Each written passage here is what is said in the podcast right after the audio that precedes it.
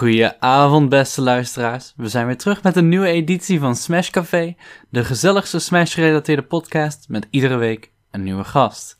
Voordat we beginnen wil ik natuurlijk Juice Real Energy bedanken voor het sponsoren van Smash Café en ook andere Smash Nederland content zoals Neptune. Uh, Juice is het enige energie-gerelateerde product dat verkrijgbaar is als poeder en daar kan je vervolgens een lekker stappie van maken. Heb je hier zin in? Ga dan naar juiceenergy.eu en gebruik de code SHUK voor 15% korting. En mocht je nou vandaag niet de hele podcast kunnen meekrijgen, kan je alle edities vanaf aflevering 4 terugluisteren op YouTube, Spotify en iTunes. De editie van vandaag zal rond woensdag beschikbaar worden, dus hou de Twitter van Club Smash in de gaten. Zoals altijd is mijn co-host van de avond Dagobert aanwezig en mijn gast van vandaag is een van de grootste verrassingen geweest in de Nederlandse Smash Ultimate scene. Zo is hij van een vrij onbekende competitor tijdens Smash 4 naar een consistente top 10 speler in Smash Ultimate gegaan. En dit met een karakter wat door velen wordt gezien als een low of een mid-tier. Het is Young Eevee. Yo, yo. Ja, het zijn de boys. Yes, yes. Het zijn de boys. Goedenavond. ja, lukt wel. ja, ja, het gaat allemaal goed. Cool. Yes. Hey, thanks uh, dat ik er mag zijn. Sorry? Thanks dat ik er mag zijn. Ja, nou, Heel tof. Tuurlijk. Natuurlijk. We hebben een paar uh, leuke onderwerpen voor vandaag. Um, en ik wil gewoon gelijk even met de deur in huis vallen. En het hebben over, uh, nou ja, character loyalty. Iets dat... Um, toch wel iets is dat redelijk veel in, Smash en andere FGC terugkomt. En uh, goed, iemand zoals jij die uh, met een zeer onorthodox karakter zoals Bowser Jr. toch wel uitzonderlijke resultaten weet te behalen.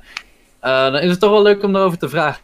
Dus ja, um, snap ik. Je speelt hem al sinds Smash 4. Um, ja. Waarom ben je hem toen gaan spelen eigenlijk? Oeh, dat is eigenlijk um, heel plotseling gebeurd. Ik ben Smash 4 denk ik um, als ik het goed heb, in 2016, 2017 ongeveer begonnen te spelen. Um, ik speelde toen de tijd, toen ik begon, um, speelde ik eigenlijk nog niet junior. Toen ik echt helemaal in competitive kwam. ik denk dat ik toen Rob en Dark Pit speelde. Oké. Okay. Okay, ja. Super, super raar. maar, En ik vond, ik vond Rob heel leuk, maar ik merkte zelf bij Rob heel erg in Smash 4 van het werd heel erg, vooral toen ik nog een beetje lower level was, het werd gewoon gyro laser, weet je wel? Gewoon ja. dingen, gyro, laser en ner. Um, en af en toe die grab en die beepoop, daar kon je wel wat mensen mee verslaan, weet je wel? ja. um, en op een gegeven moment, toen, toen, start je, toen kwam ik in die flow dat het gewoon constant dat werd. En op een gegeven moment werkt dat niet meer. Dan kom je tegen mensen die dat weten. Die gewoon weten van oké, tegen die dingen uh, heb ik counterplay gevonden. Um, en toen ging ik gewoon kijken van oké, nou ja, uh, welke characters zijn er nog meer? En ik heb toen wel eens een keertje Bowser Jr. aangeraakt. Gewoon een keer ermee gespeeld. Alleen toen dacht ik mhm. van ja, nou, de character is niet zo heel goed en ik kan er niet zo goed mee killen. Mm um, en toen heb ik het ook gewoon gelaten voor wat het was. En toen heb ik um, een maand later uh, heb ik het gewoon nog een keer geprobeerd met Bowser Jr. En toen klikte het opeens wel. Heel, heel plotseling van, it, it all made sense, weet je Ja, ja, ja. Oké. Okay. Um, ik oefende toen de tijd met uh, Leon, dat was een Captain Falcon uh, main. Ja, ik ken hem In nog, Nijmegen, ja, ja. ja. Um, en ik ben er nog steeds van overtuigd dat Junior het best goed deed in die matchup. En um, daardoor, doordat ik die matchup heel veel heb gespeeld, is een beetje die, die Junior Advantage State ontstaan in die zin. Dus ik wist heel goed wat ik moest doen. Um, als ik de, als ik de tegenstander had, had geraakt. Ja, ja, ja, ja als we er eenmaal uh, waren, inderdaad. Ja, ja, ja. Dus op een gegeven moment, eh, weet je wel, die Rob die liep niet. En ik ging, af en toe ging ik naar zo'n counterpick toe. Ja. Ik had toen uh, de allereerste Syndicate uh, gedaan. Uh, dat was mijn allereerste toernooi. En toen ging ik af en toe naar een counterpickje toe. Met, met die rol. Dus ja, ja. de eerste Syndicate was je eerste toernooi? Ja, dat was mijn allereerste toernooi. Gelijk zo'n mega iets, oké. Okay. Ja, ja. ja, ja ik dacht, toen dacht ik echt van... Oh, dat, dat zijn de Smash toernooien, weet je wel. ik, ik had toen nog niet gehoord van counterpicks of locals of zo. Ik zat toen nog helemaal niet in de Discord of Ja, zo. ja. Mm. Maar Syndicate werd best wel gepromoot. Ik weet niet hoe of wat, maar ik denk dat Leon daar toen, eh, toen mee kwam. Oké. Ehm, van, hé, hey, laten we naar eh, Syndicate gaan. Was toen wel een investering. Ik bedoel, als low-level player die nog nooit naar het toernooi is geweest, is zo'n Syndicate best wel een groot, grote stap. oh, zeker. wist nog helemaal niet, wist nog helemaal niet hoe pools werkten. Het was heel erg. ehm, je, zat dan in, je zag bij jouw pool acht mensen. En ik dacht van, oh, dan moet ik tegen al deze acht mensen. Ehm, dus ik zag zo Mr. R staan en zo. Oh, tegen Mr. R. Dat wordt wel een ervaring. Mr. R zat helemaal, helemaal daar. En ik zat helemaal aan de onderkant van de bracket. Dus dat is nooit gebeurd. Jammer. Mm. Ehm, maar ja, ehm tijdje dus die erop gedaan. En toen, toen overgestapt naar die Bowser Junior. Ik dacht, ik ga er gewoon een keertje een countpick mee doen. Ehm, en kijken hoe dat gaat. En dat was toen ook meteen eigenlijk een soort van een, een kleine breakthrough in mijn, in mijn performance. Oké. Ehm, Waarom dan? ik moest toen, ehm, ik heb toen op, dat, op die local, op die countpick, heb ik toen volgens mij twee, toen de tijd die art spelers verslagen. Oké. En ehm, ben ik 2-1 tegen Bart gegaan, tegen S1. Ah ja. Ehm, en toen was iedereen van, oh, dit is wel een gekke, gekke Bowser Jr. Niet, per se goed of slecht, hij is een beetje apart, weet je. Gewoon, Oké, hij, hij pakt games, maar toen wist niemand nog echt van, oh, eh, ik bedoel, het is een Bowser Jr. Wie, he- wie heeft er Bowser Jr. experience? Niemand. Ja, Right. precies. Dus dan is het nog heel erg van, is het een gimmick? Of is die, is die, weet hij wel wat hij aan het doen is? Ehm, Mhm. Maar toen had ik wel het gevoel van, oké, dit, dit, dit kan wel iets, eh, iets zijn, in die zin. Want voordat, voordat dat toernooi begon, werd ik nog door, door Roland, door Lompos, eh, werd ik echt nog naar, naar ergens gestuurd van, hey, je moet hier zijn eh, voor het toernooi. En ik was van, Lompos, ik kom al, ik kom al drie maanden lang elke, elke twee weken naar Counterpick. Ik weet niet. maar ja, ik ging gewoon altijd 1-2, toch? Dus Ja, ik was gewoon een echte nobody. Eh, gewoon back in the day. Maar ja, ik denk toen, toen dacht ik van, oké, dit, dit klikt. En eh, ik ga hier gewoon bij blijven. Ook al is Junior niet per se ehm, niet goed. Nee. Die, vooral in Right. Smash 4 was, was Junior wel gewoon echt wel een low tier. Vind ik Mhm. zelf. Hij had eh, te veel gebreken om echt eh, rond te komen. Vooral toen Tweak hem dropte. Ja, En er gewoon 0,0 representation was. ja. Ehm Kerkte had niet zoveel. Nee, dan wordt het ook lastig inderdaad om daar iets mee te doen. Ja, zeker. Ja, en Maar- ehm, ja? Sorry? Oh nee, ik, ik, ik wilde iets gaan vragen. Ik dacht dat je nog verder ging, daarom was ik Ja. gestopt. eh, maar... Ja, man. Nee, oké. ehm, wat- ja, nee, dat ik is gewoon in die zin eh, verder gegaan. Ja. Ah, oké, ja. Wat, wat ik mij afvroeg, zeg maar, was of er iets dan bepaald was aan zijn tools en zijn moveset dat je zo leuk vond. Ehm Ja. Aangezien je toch wel met hem klikte op een manier, dus. Ja, ik denk. ehm, aanvankelijk wat ik heel leuk vond aan Junior was natuurlijk Mecha Koopa is heel leuk. Mhm. Ehm, dat voegde die, die extra diepgang in zijn gameplay toe. ehm, die ik wel heel leuk vond om, om mee, mee te spelen. Van oké, wat kan ik hiermee? Wat kan ik ermee als ik, ehm, als ik een Mecha Koopa in mijn hand heb? Want eh, hij stuurde bepaalde richtingen op als je bepaalde, bepaalde kanten op keek. Dus als je naar rechts keek en, je, en iemand was aan het recoveren, dan stagepikte die en dat soort dingen. Ja. Ehm, dus dat vond ik heel leuk om, om mee te spelen. Je had ook eh, gewoon setups, ehm, Z-drop setups, dat je mensen ermee kon ledge trappen en zo. Mhm. Ehm, en dat is natuurlijk ook een beetje die, ehm, ja, hoe zeg je dat? Die overgang van Rob naar Ja. Jr. Ik had het Ja, in mijn hoofd ehm. Ja, Ik was met Rob gewoon heel erg van Z-drop up smash, weet je wel? Z-drop Ja, aan de ledge en dan up smash. En dan eh, de, gewoon iedereen viel daar op een gegeven moment wel een keertje in. ja. En ehm, toen dacht ik van, oké, ik, moet, ik moet wel een item hebben. Ik, ik moet iets hebben. Dus dan, ja, dan, blijft niet zo, dan blijven er niet zoveel characters over. ja. Dus ja, Junior had, had een down B waar ook een item uit, eh uit kwam. Was iets trager, maar, wel wat, maar hij liep wel. Dus eh, ja, was wel Mhm. leuk. Eh, en ik vond zijn anti-air game heel leuk. Dus hij had, ehm, dat is ook iets wat hij in Ultimate heel erg heeft. Ja. Ehm, nou, we zeggen die combinatie met forwarder, backer en upper.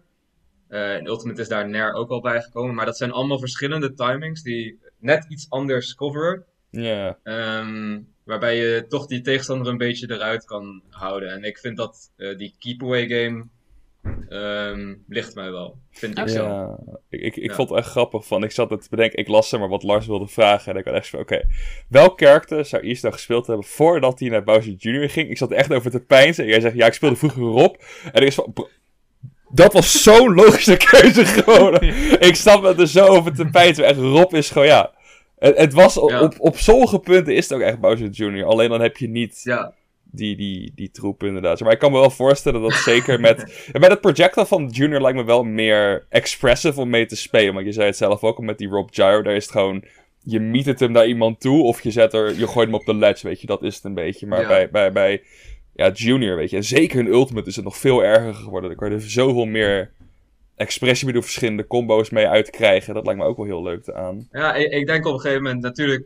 Rob kan met Gyro, ook in Smash 4 kon Rob met Gyro best wel veel. Mhm. Mhm. Ehm, maar vooral voor iemand die, die toch wat minder ehm, in, in, het la- in het lab zat, weet je Ja, wel. ja, ja, ja. En minder van die combo's oefende.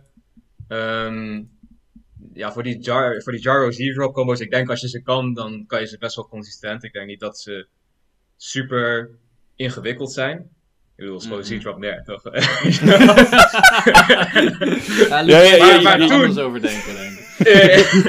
maar toen was dat echt zo van, wow, dit is echt sick. Weet je wel, hoe, hoe ga ik deze timing doen? Maar ja, Ja, Ja. dus ik dacht van ja, dit is, dit is, dit is ehm, in Smash 4 ook wel was, een, is een, was Rob natuurlijk ietsjes, ietsjes minder goed.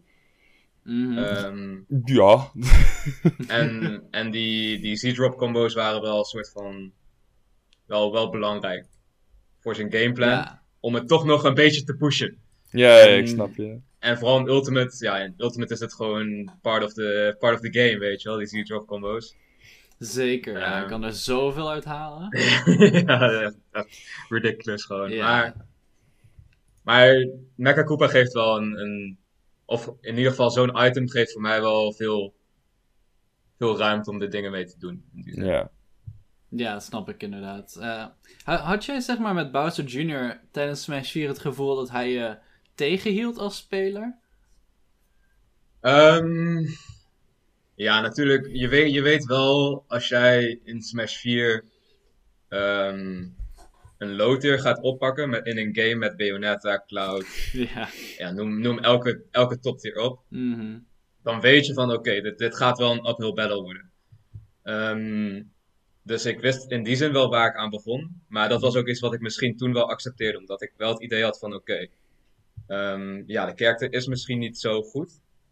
Ehm, maar ik denk niet dat dat nu de reden is waarom ik verlies. Nee. En dat is eigenlijk gedurende heel Smash 4 en ook wel in Ultimate altijd wel een beetje mijn mindset geweest. Want hoewel eh, Junior of een ja, hoewel Junior een low tier is, ehm, of was in Smash 4, in Ultimate eh, vind ik dat hij een stuk beter is, maar daar komen we zo dadelijk misschien nog wel op terug. Ik denk het wel. Ehm, Ja. Ehm, vond ik wel ehm, ja, dat je. Ja, dat, dat, dat hij nog wel heel balanced was. Voor, hij had veel, to- veel verschillende tools om toch nog met veel situaties te dealen. En, en vaak de struggle van een low tier is dat, is dat ze een, een iets te lineair gameplan hebben. ja. ehm, om, Mm. om nou zeggen, up te, ja, om, om de top tiers echt bij te kunnen houden. En Junior had daar nog best wel wat versatility in. Ja, ik bedoel, het, het is wel vaak een ding in fighting games dat als je een low tier speelt, dan heb je soms gewoon bij situaties geen antwoorden. En, Ja, nee, eh, precies. bij Ja. Junior heeft dat niet echt volgens mij, nee. Nee. Nee, Ja, ik wat, denk, ehm, ja. nee, wat ik wel grappig vond, dat is meer tussendoor, denk je. Jij zegt van, ja, weet je, dat je zeg maar zo vroeg begint, weet je, je ziet jezelf als low level. En dat je dan bij Bowser Jr. blijft stikken onder het mum van, ik weet dat het niet aan het karakter ligt op dit moment. En dat is oprecht een mindset waar zelfs nu nog steeds high tot top level players mee, mee dealen, weet je. Dat je, of zeker. Ja. Vooral op de mid-levels is het heel erg dat ze gewoon omdat ik win nu niet, dus ik ga maar character switchen, weet je. En dat dan gelijk al vanaf het begin hebben lijkt me zo'n. Je hebt zo'n voorsprong op de rest gelijk al. Want je zit niet te rotzooi met side characters en zo. Ja. Je kan Ja, zoveel healthier eh, improven. ja, het is heel erg, ik denk heel erg belangrijk, vooral in het begin, of in ieder geval als je een beetje zo richting die mid-level gaat. Als je zo in die 2-2 area komt en de hele tijd met die mid-level seeding te maken krijgt, waarbij je in round 3 of zo tegen een hele goede speler moet en dan in losers nog best wel ver kan komen. Ehm, dan kom je wel tegen mensen die goed worden, die goed worden in hun karakter. Ja. Mhm. En als jij constant een ander karakter oppakt, ehm, dan leer je misschien minder snel omgaan met de, met de gimmicks tussen aanhalingstekens die al die andere level, andere spelers rond dat niveau hebben. Ja. Ehm, Ja, het- ik bedoel, er zijn wel er Ja. zijn meerdere nadelen aan. Want je moet ook gewoon meerdere matchups leren. Ik, dat is ook heel lastig. Want stel je, Ja. je speelt één character. Nou, er zijn in deze game dan like 80 characters. Nou, 80 matchups. Stel je speelt twee characters en je hebt niet een duidelijke verdeling van die speel ik voor die. Dan zijn het opeens Ja. 160 matchups. Ja, Precies. inderdaad. En, en dat is ook het lastige, want je gaat gewoon. Heel veel mensen die denken dat die, die progressie ehm, echt in, een, in één stijgende lijn is. Weet je wel, van oh, ik ga nu 2-2 en ik ga over een maand ga ik eh 3-2 of zo. Mm. En eh, als ik zo doorga, dan ga ik over een jaar zit ik in grand finals eh, consistent eh, te winnen. Je wel, ja, maar ja, zo makkelijk is het niet. Want je gaat ook gewoon een speler tegenkomen die, zonder dat jij het weet, misschien een super soft spot bij jou raakt. Of echt zo'n weak spot, weet je wel. Die, die final boss weak spot. ja, ja, ja. precies. En, en dat, daar kan je best een maand, eh, of een maand of eh, een tijdje gewoon ja, stuk op zijn. Ehm, en dat is ook wel iets wat ik denk, waar je denk ik gewoon het beste mee kan dealen door gewoon even erbij te blijven. Misschien naar externe resources te kijken van eh, hoe andere mensen die mijn karakter spelen ermee dealen. Mhm. Ehm, gewoon veel spelen tegen andere mensen die het karakter ehm, of de speelstijl hebben van degene waarmee ik struggle. Ehm, en dan pas zou ik zeggen van oké, als je echt al die resources eh, hebt gebruikt, dan kan je misschien gaan kijken van oké, is, is, is dit wel een chille matchup überhaupt Ja, om door te spelen? Of nou ja, dat is in ieder geval hoe, hoe ik erover denk. Ja, en ik heb wel het idee dat, dat ik wel wat, redelijk wat slechte matchups ben overkomen in die zin. ja. En- Met, op, die, op, eh, op die methode. Ka- Kan ik je vragen, want het is zeg maar zo'n specifiek voorbeeld, of jij nog iemand kan noemen waarbij je dit hebt, om het iets concreter te maken? Eh, ja, Ehm, ik had dit heel erg met jou, Lars. Oh. Duidelijk. nee, nee, maar dat is niet per se een negatief iets. nee, nee, nee. Maar ik heb je, je, je hebt mij in het begin van Smash Ultimate, heb je me echt zo hard gebodied. Gewoon echt een paar sets lang. Dat, je, dat echt gewoon, dat je Mm. me echt gewoon de dumpster in hebt gegooid. Ja, dat weet ik. En dat ik echt dacht van, oh, Greninja is echt, echt is niet te doen. dat ik op een gegeven moment ook echt dacht van, oké, ehm, ja, dit, dit gaat heel lastig worden. Dit, eh, dit is een probleem. Ja. Maar wat toen heel, heel gelukkig was, maar ook weer ongelukkig voor degene waarmee ik speelde, maar ehm Ilko, eh Ja. Fozon, dat, is, dat was toen de tijd, of nou, is nu nog steeds wel een van eh, ehm, mijn vaste practice partners. Shout-out naar Ilko. Mhm. Ehm, en die zat toen echt ehm, een tijdje in een soort van character crisis. Pichu was volgens mij net genurfd. En ja, je weet hoe Pichu mains zijn als. Pichu genurfd wordt. Ja. Dat is gewoon, eh, dat is een chaos. En hij ging toen eh Greninja proberen. En natuurlijk is dat niet per se hetzelfde niveau als een Greninja main. Van een niveau Lars of een niveau Dennis, iStudying. Ehm je leert wel bepaalde interacties eh, die je niet leert tijdens, eh, tijdens een tournament set in een best of three. Zeker. En wat je ook leert is gewoon om te gaan met bepaalde situaties. Waar, en omdat je er vaker in wordt geplaatst, zeg maar, weet je al sneller van: Ja. oké, in deze situatie kan ik dit doen. Ja, precies. En eh, vooral in Greninja had ik het idee van. ehm, toen jij en ook Dennis wel eh, gewoon van mij wonnen consistent. Mhm. Toen was ik zelf natuurlijk ook nog eh, wat meer on the rise. Dat was niet in het seizoen dat ik top 10 was, maar meer bij überhaupt top 20 aan aan, aan het kloppen was. Ja. Ehm, dan is zo'n Greninja die jou één keer dash attack en dan opeens 70% geeft, is heel erg, heel erg overwhelming om mee te dealen. Want dan denk je van, oh, ik kan nooit geraakt worden. Ik, Mhm. ik weet niet wanneer dit eindigt. En dan ga je air dodge op momenten dat je het niet hoeft te doen.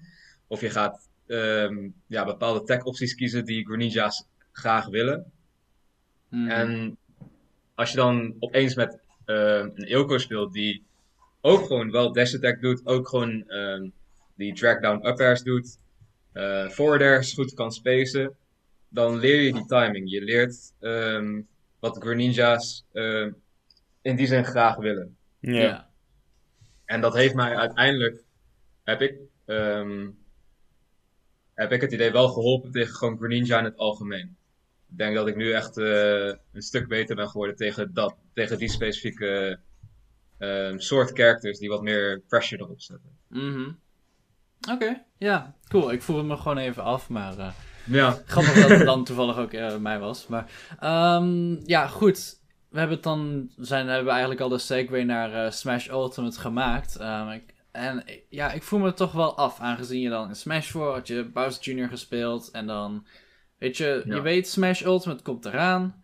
Heb je toen nooit na- nagedacht om een ander karakter te spelen, behalve in plaats van Bowser Jr. Mm. bij het begin van het spel?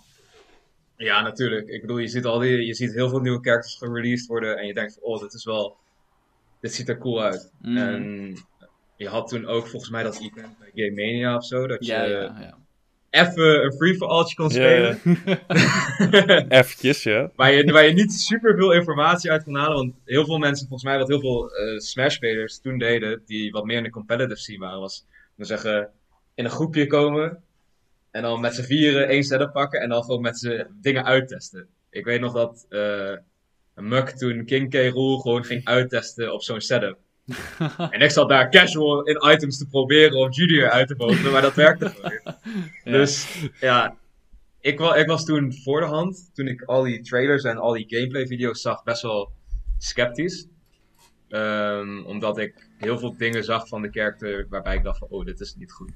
De Hmm. Mecha Koopa die deployen en dan loopt hij en dan gaat hij naar je shield toe en dan valt hij zo neer. Dan gaat hij dood op shield. En ik dacht van, oh, dit is slecht, weet je wel. Ah. Dit, is, dit is niet goed. Maar we, we, we kijken hoe het gaat. En de characters die er allemaal bij kwamen, heel veel daarvan waren niet per se de, de characters die ik normaal gesproken zou spelen. Ik zou niet zo snel bijvoorbeeld een Incineroar spelen, Nee. of een Pichu, of eh, ja, noem, noem het op. Mhm. Ehm, ik heb wel in het begin heel even de Belmonts gespeeld. Oké. Mhm. Ook een beetje hetzelfde idee, een beetje een keep-away game, Mhm. disjoint. Traps Eh, plaatsen. Ja, ja precies. Ehm, en Downbeat met die trapped. hey, ook een downbeat die goed is op de Eh, lijst. eh, ja, inderdaad. Ja, precies. Dus die heb ik wel even geprobeerd, maar ik weet niet. Ehm, toen ik bij release gewoon junior speelde, toen merkte ik wel van, oh, dit is wel, dit is beter. Dit, dit, ehm, dit is een betere karakter dan in Smash, eh, Smash 4. Oké.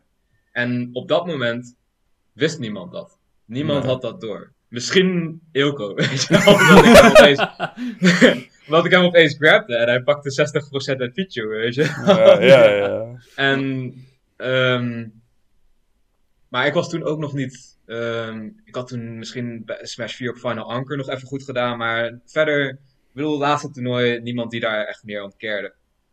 Eh, Mhm. Dus het was aan mij om te kijken van, oké, is, dit is deze junior beter in tournaments? En ben ik beter in tournaments? Ben ik beter in Ultimate? Ja. Ehm, en ik denk dat heel Junior gewoon in de hele engine van Ultimate gewoon echt een, eh, een stuk beter werkte. En, en zijn jab killed. Dat was ook, eh, ja, Ja, dat was ja. ook een stuk Ja. beter. Zo, Ik kon je niet meer uit SDI, eh. hè. Nee, inderdaad. Want die jab was al goed. Alleen je kon er gewoon uit SDI. Alleen, ja, dat, ja, dat is gewoon... ja. Ze ze hadden hem gewoon gefixt, dus... eh, Mhm. Dat was allemaal heel positief. Ehm, dus ik ging er gewoon inderdaad gewoon goed in. In Ultimate. Van, oké. ik denk dat deze character beter is. Aha. Ik weet, niet, ik weet echt niet waar die zit. Ik bedoel, het is het begin van de game. Je weet dat, dat er een paar characters goed zijn. Maar je weet ook, je- er is ook een heel groot grijs gebied. Van, Oh ja, zeker. Ja, ja, is ja. de- zijn deze characters goed? Ik weet niet welke characters er in, in, in het begin van Ultimate echt mid-tier waren en die echt naar top-tier zijn gegaan. En ja, bijvoorbeeld een karakter als Pac-Man of zo is misschien pas later Ja. echt naar voren gekomen. Zeker. Mario, man. Mario. Mario. Mario, beetje- Mario bijvoorbeeld ook, ja. Maar ja, nee, maar dat inderdaad, ja. Nee, Het was inderdaad wel heel snel bekend dat Wolf is stom, Palutena is best stom, Inkling is heel goed. En daarna Ja. was het zeg maar van, bro, ik heb geen idee meer daarna inderdaad. En dat was inderdaad waar, waar characters zoals Junior, waar zoals Mario, zoals Pac-Man, die gewoon heel erg lang in die obscuriteit hebben geleefd en nu pas echt naar boven komen, inderdaad. Ja, en, Ja, en ik denk zelf, ik denk zelf wel dat de helft van alle Smashers denkt nog dat Junior echt super slecht is. Sommige regions waar, waar er een goede junior is, die, denken, die weten wel van oké, de, de karakter kan iets. Ja, ja, Ik denk ja. dat, Euro- dat Europa wel redelijk op de hoogte is, omdat je sowieso dat- omdat je mij en eh Snormanda hebt. Mhm. Ja, klopt. Ehm, en Snormanda, is- als die gewoon consistent zou travelen en tournaments zou attenden, denk ik wel top 20 in Duitsland zijn.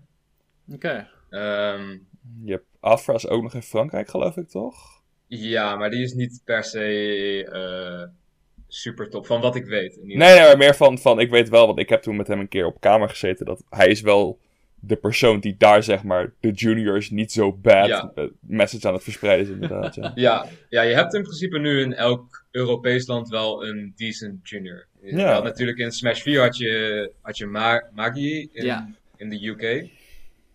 Mhm. En die was toen ook echt gewoon top 15, wat echt super knap was als ik er zo over terugdenk. Ja. Ehm, en die zei ook gewoon, eh, toen ik hem sprak, van ja, de character is, is gewoon een stuk beter. Alleen ja, hij, hij was meer van de wolf.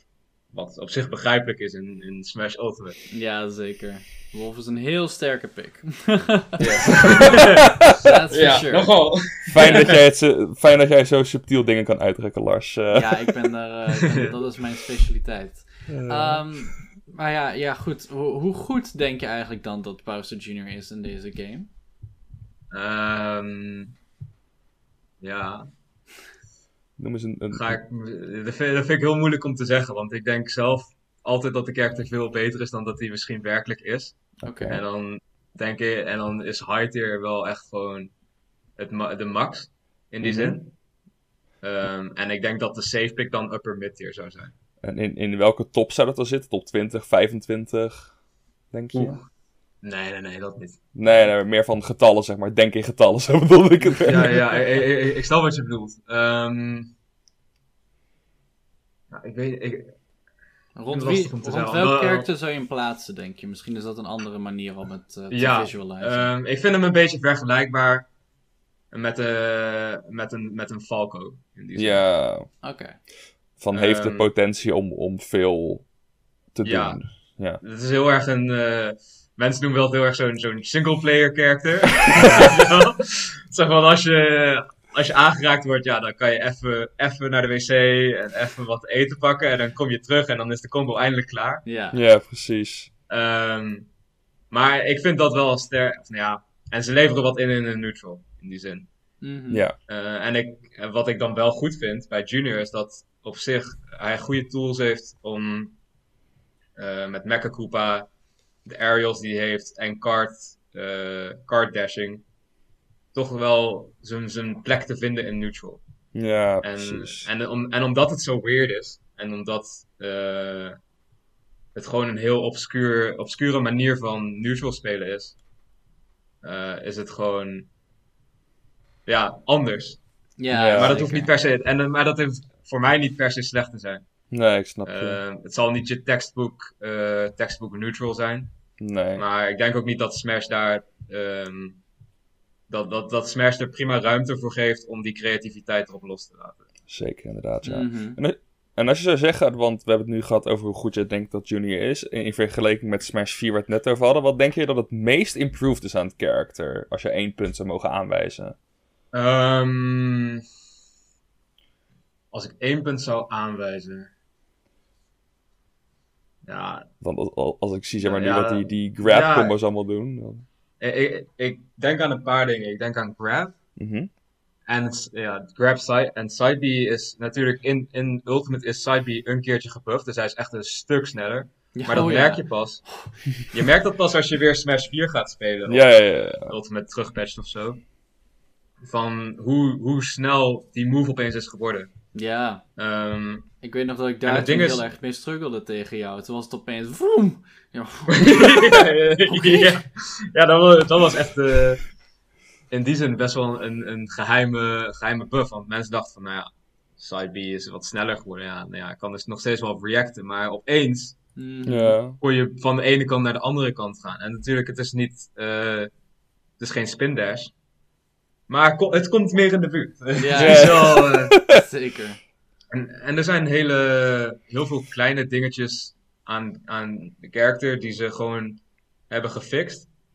Ehm, waardoor, waardoor de character gewoon klikt. Ja. Denk daarbij aan, ehm, aan Jab bijvoorbeeld, die connect. Ja. Eh, aan Saibi, die een, gro die een grotere skill heeft eh, tussen, de, tussen zijn hoofd en zijn, en zijn eh kaart. Mhm. Mhm. Dus dat was in, in Smash 4 had je eh 85, je kreeg, even kijken, 15% meer damage. Of 1,15 multiplier. ehm, als je op je hoofd werd geraakt. Ja. En 15 of 0,85 multiplier in damage als je op de kaart werd geraakt. Ehm, dat, was, dat is een ultimate nog steeds. Maar het verschil is nu dat de kaart groter is. En dat wanneer je op beide wordt geraakt, dat hij de kaart pakt. Ja. Dus hij pakt redelijk vaak ehm, de 0,85 multiplier. Waardoor, de character, waardoor een character met Junior's weight en zijn recovery ontzettend lang, ontzettend lang kan blijven leven. Echt heel erg lang kan Ja. blijven leven. En het maakt je risk-reward ook gewoon beter. Want Ja. je, je mag vaker op het mooie side B-knopje drukken. Omdat je gewoon... Ja, Ja, ja, ja. inderdaad. Af, af en toe mag ik gewoon even van links naar rechts rijden. En dan, als, ik hier mee, als ik hem meeneem, dan is het gewoon free damage voor mij. En Ja, als hij niet, precies. ja, nou ja, dan, dan, Ja. dan niet. Het is, het is Mhm. free damage voor hem, maar het is wel 85% eh, discount. eh. ja, inderdaad. En gewoon heel veel dingen zoals Nair die wat minder laggy, eh, of Nair die wat minder laggy is. ehm tech chases die opeens kloppen. ja, De game, die, de game zelf die sowieso best wel rewarding is voor het gooien van hitboxes. mhm. Ehm, Ja, want daar wilde En ik eigenlijk nog gaan ehm, vragen. Maar, oh, sorry, je wilde nog iets al- afmaken. Sorry. ja, je hebt ook in Ultimate natuurlijk een beetje die dash dance-achtige mechanic. En die van Junior is gewoon best wel goed. Oké. Ehm, waardoor zijn, zijn, niet per se microspacing, maar gewoon zijn movement in general best wel goed gaat op bait and punish. ja, Ehm, en en dat, dat connect allemaal weer met, met, eh, met een jab, met up tilt, met grab, is gewoon eh een, side B. eh, Dus het is gewoon de hele tijd die mix van oké, ja, hoe ga ik ergens naar binnen zo'n grab of zo'n up air krijgen of zo'n nair of een down air. Dus hij heeft heel veel opties om het toch ergens, ergens naar binnen te snoepen. het, is eigenlijk dat als is ik, denk ik Ja. wat heel erg underrated is aan de character. ik denk als ik het zo hoor, dat hij gewoon een hele grote, maar toch versatile thread bubble heeft eigenlijk, waar hij Ja, dingen mag doen. Ja. Ja, Mhm. Ja, en ik, ik wilde inderdaad nog vragen, omdat je ook al eerder had aangegeven dat je vond dat de game inderdaad veel hielp met Bowser Jr. En je zei dan net dat het kwam omdat je, zeg maar, dat je de game wel reward om hitboxes uit te gooien. Zijn er ook nog andere dingen die je vindt die de game, ehm, die in de game zitten waardoor Bowser Jr. het beter doet? Ik weet nog wel bijvoorbeeld dat jij op een gegeven moment echt zoiets had van. Toen klikte het met jou met parryen en toen ging het ook een stuk beter, voor mijn gevoel. Ja, Junior is heel solid uit, uit parry. Ehm, dus hij heeft een hele snelle up smash die ook, ook gebuffed is. Ja. Ehm, en dat, dat is gewoon iets wat super goed is tegen characters die veel hitboxes gooien. Ik bedoel, kijk naar Game Watch. Dat is een, natuurlijk een iets snellere up out of shield. Ehm, maar Junior's up smash is volgens mij ja, vier frames. ehm, vier frames minder snel dan Game Watch's up B. Mm. Ehm, en daar heb je gewoon super veel voordeel bij, omdat je weet gewoon dat mensen op een gegeven moment ergens in de game gaan mensen gooien. oh ja. Ze gaan, ze gaan ergens een keer een mindless button op je shield gooien. En als je dan ready bent om, eh, om zoiets te gooien als een parry, en, en je hebt een up smash die killt op 90, dan dat is gewoon zo'n ongelofelijke dreiging die je in tournament gewoon best wel consistent kan hebben. ja. Want als je de parry mist, ja. dan, dan krijg je misschien een kleine unread, weet je wel. Mhm. Maar tegen de tijd dat, dat zij die parry proberen te readen, dan kan jij alweer iets anders doen. Ehm, en, en dat is gewoon, denk ik, super solid geweest in de, de transition naar ehm, Smash Ultimate. Oké. Ja. Eh, ik zie Gogoku die vraagt in de chat of er ehm, dingen zijn in de game die nade- nadelig zijn voor Junior. Heb je daar. eh, komt er iets bij jou naar boven wat je zit van ja, dat is wel, dat is wel minder? Ja, echt. ehm, bedoel, bedoel je dan ehm, echt game mechanics of, of matchups in die zin? Man? Ja, matchups ik kan denk ik eer- verzinnen. Ik denk eerder iets van game mechanics eh, bedoeld wordt inderdaad. Ja. Mm, Ik kan me voorstellen Ja, bijvoorbeeld dat projectiles zijn redelijk sterk in deze game vergeleken met Smash 4. Ja. En dat het daar misschien wat moeilijker mee heeft. Maar goed, ik ben geen Bowser Ja. Junior mee. ja, ik denk wel natuurlijk. Ja, projectiles zijn wel moeilijk voor characters die wat groter en wat trager zijn. Mhm. Eh, maar ik denk niet dat dat per se een junior probleem is. Ik denk dat het meer een, een, een Eve probleem was. In de zin van ik wil gewoon gaan en dan zit ik daar in mijn tournament te spelen met mijn, met mijn drum en bass op. En dan wil ik gewoon keihard voor een side stemmen. En dan, eh, dan gaat hij, dan, dan gaat op een gegeven moment, dan draait hij door. En dan rij ik gewoon de hele tijd in, in, in Samus Charge Shot of zo. Dus Ja, ja, ja. ik denk dat ja. dat niet per se een, een mechanic ding is. Mhm. Eh, of eh, per se eh, goede characters. Ik denk wat wel een, een, een, een fout is in de game, waar heel veel characters mee struggelen, is dat multi-hits ehm, misschien niet altijd even consistent zijn. Aha. En dat heel veel kill moves van Junior, of smashes van Junior en zijn jab, dat zijn allemaal multi-hits.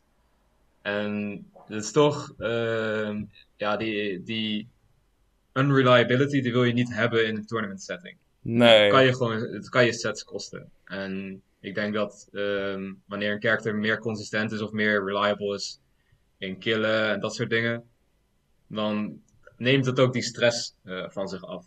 Ja, dat kan ik Ja. inderdaad heel goed begrijpen. Je, je ziet dat heel erg met, met eh, Ramses en Shulk. Mhm. Ramses weet gewoon van ja, op een gegeven moment gaat Shulk gewoon super goed killen. Ja, Je gaat op een gegeven moment niet dood en, en jij bent op een gegeven moment op de. Weet je? wel? Ja. op een gegeven Ja, moment zit gewoon iemand met 90 op de ledge en dan dus komt die smash en dan zit je gewoon van Ja. oh no. Ja, ah, oh lord. Ja. Ja. En, en dat is denk ik iets wat super voordelig is in, in zo'n tournament setting. Je weet dat je daarop terug kan vallen. En als iets niet reliable is, dan, dan denk je, vooral in zo'n last stock situatie, waar wij toch op die moves aan kan komen van, oeh, dan ga ik dat, eh, dat risico niet nemen. En dat, Ja. kan, dat kan sets kosten. Ja. Ja, vooral met, met dingen zoals forward smash en zo. Want ik heb, ik heb daar wel eens mensen Ja. uit zien vallen. En- Ja, nee, dat is gewoon rip, man. Dat is gewoon rip, man. Yep. Soms, eh, soms gebeuren die dingen, dat eh, kan ik ook wel eh beamen als eh Greninja-speler. Ehm, ik voel me af. Als ze uit je, als ze uit je down tot afsmash vallen. Oh, Oh. man. Nee. Soms werkt die upsmash ook wel in mijn voordeel hoor. Ik had laatst tegen Ramses dat ik dan een upsmash landde. En je weet wel hoe mensen soms horizontaal gaan. Nou, maar ja. Ja, hij ja, die ja, DI'de ja. dus helemaal de blast zone in, omdat hij horizontaal Oh, was. ja. Dat ging gewoon dood. maar ja, Ja, soms werkt het, soms is het eh, wat minder. Ehm, Maar ik vroeg, ik vroeg me af, want we hebben dan ja, nu één aspect benoemd dat misschien wat minder is, de multihits en zo. Zijn er ehm, bepaalde changes aan je karakter die je zou willen zien, denk je?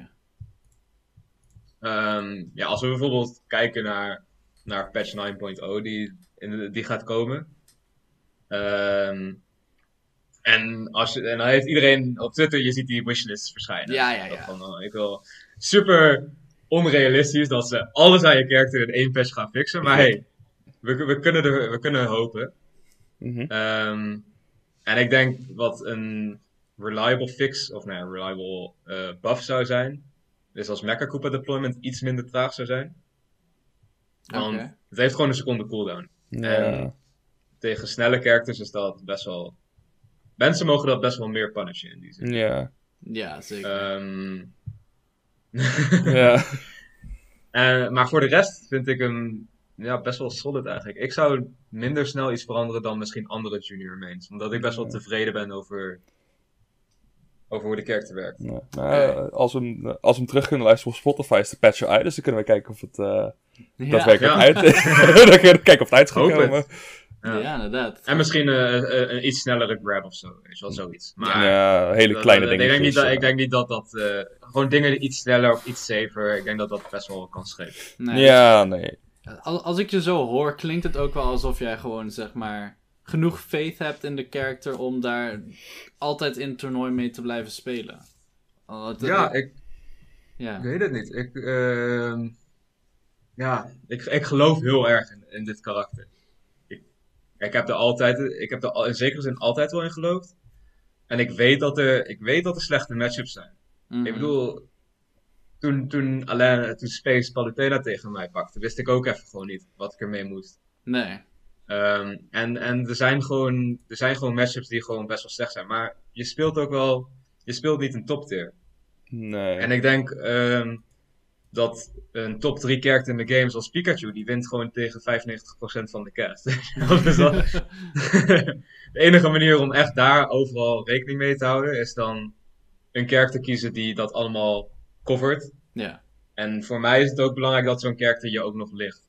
En Oh, natuurlijk ja. ehm, kan je heel veel dingen jezelf aanleren. Op een gegeven moment kom je ook op zo'n niveau dat je een bepaalde basis hebt dat, dat die je op elk karakter kan toepassen. Ja, precies.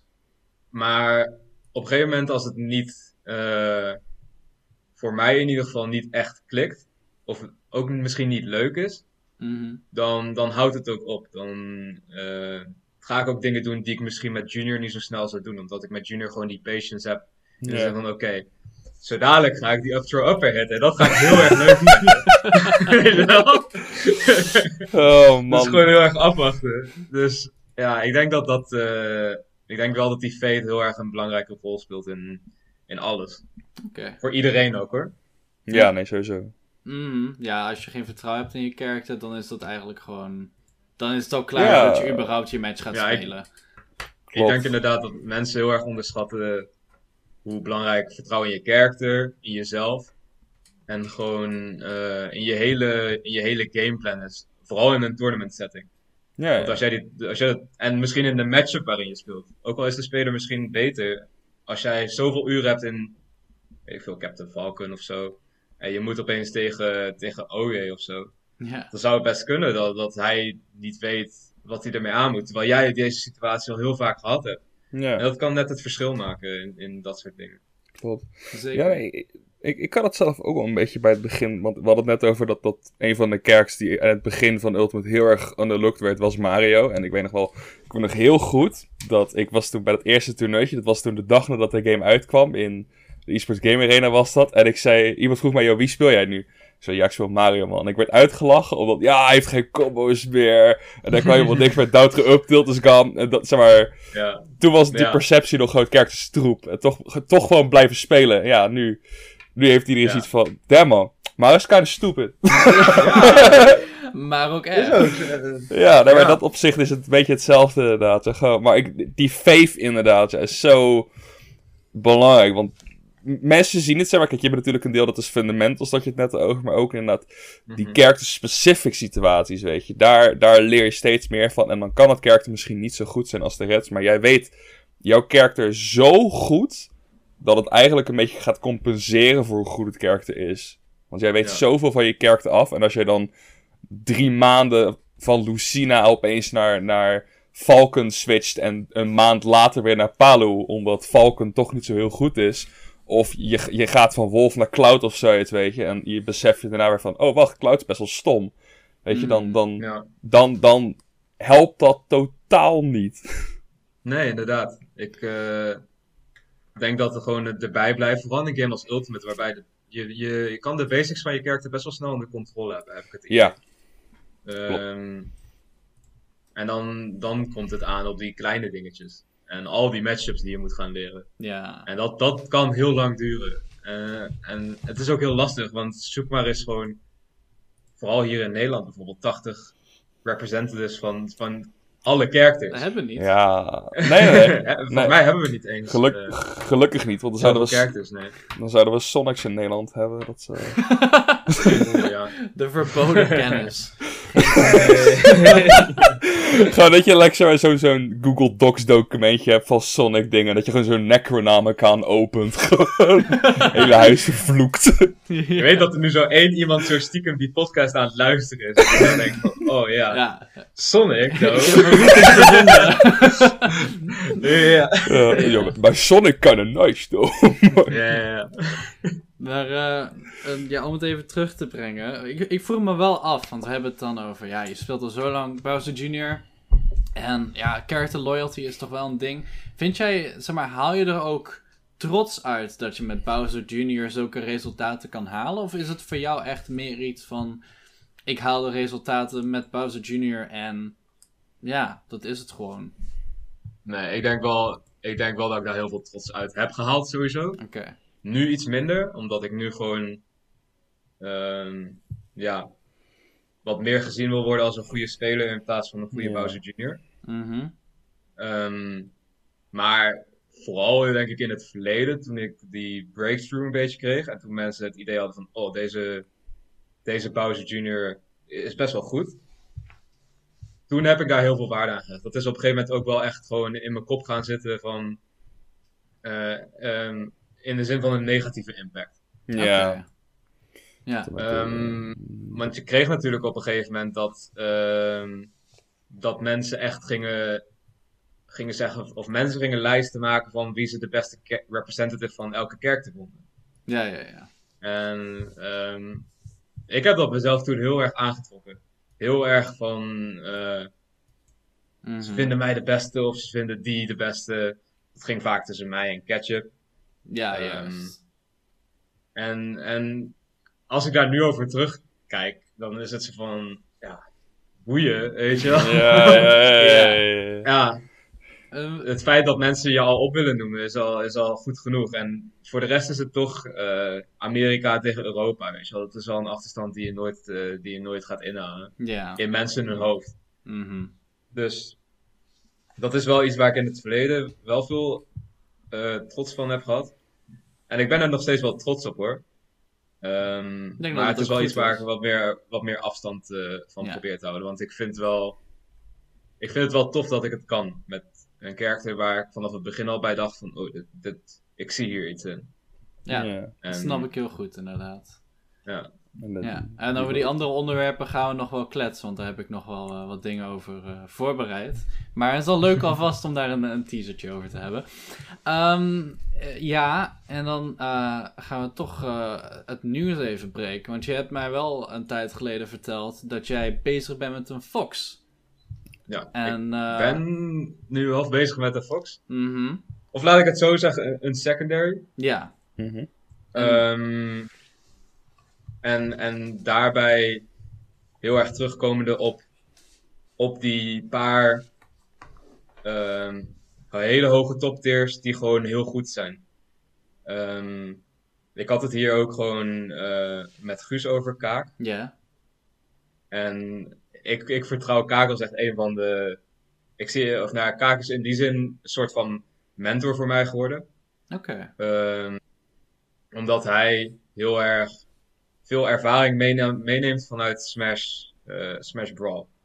Mhm. Ehm, Mhm. Dus hij is, hij is iets ouder dan ik ben. Hij, heeft, ehm, hij is vroeger ehm, ook heel erg, eh, volgens mij heel erg in de top aanwezig geweest bij Brawl. Van wat ik van alle Brawl veterans hoor, want ik heb zelf eh, geen Brawl gespeeld. Ehm, en het is ook iemand wa- waarbij ik gewoon kan vragen van, hey, dit is mijn idee, wat vind je hiervan?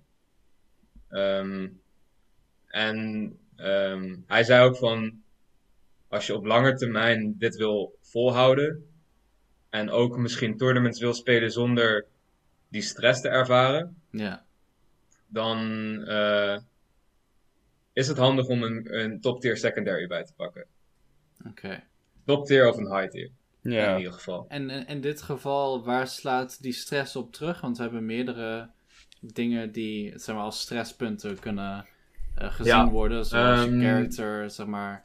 eh, dat mensen Ja, die- die- die- vonden. Die stress die slaat terug op ehm, het feit, ik bedoel, ik ga niet ontkennen dat er dat Junior slechte matchups heeft. Junior heeft een, heel, heeft een hoop slechte matchups. Aha, Of een hoop verliezende matchups in ieder geval. En een paar daarvan zijn gewoon best wel naar. ja. Ehm, als jij in een bracket moet eh, in het buitenland, op een internationaal toernooi, of, of misschien zelfs een nationaal toernooi. En jij moet gewoon toevallig vier rondes lang tegen, tegen Palutena's, tegen Pikachu's en zo, weet je wel?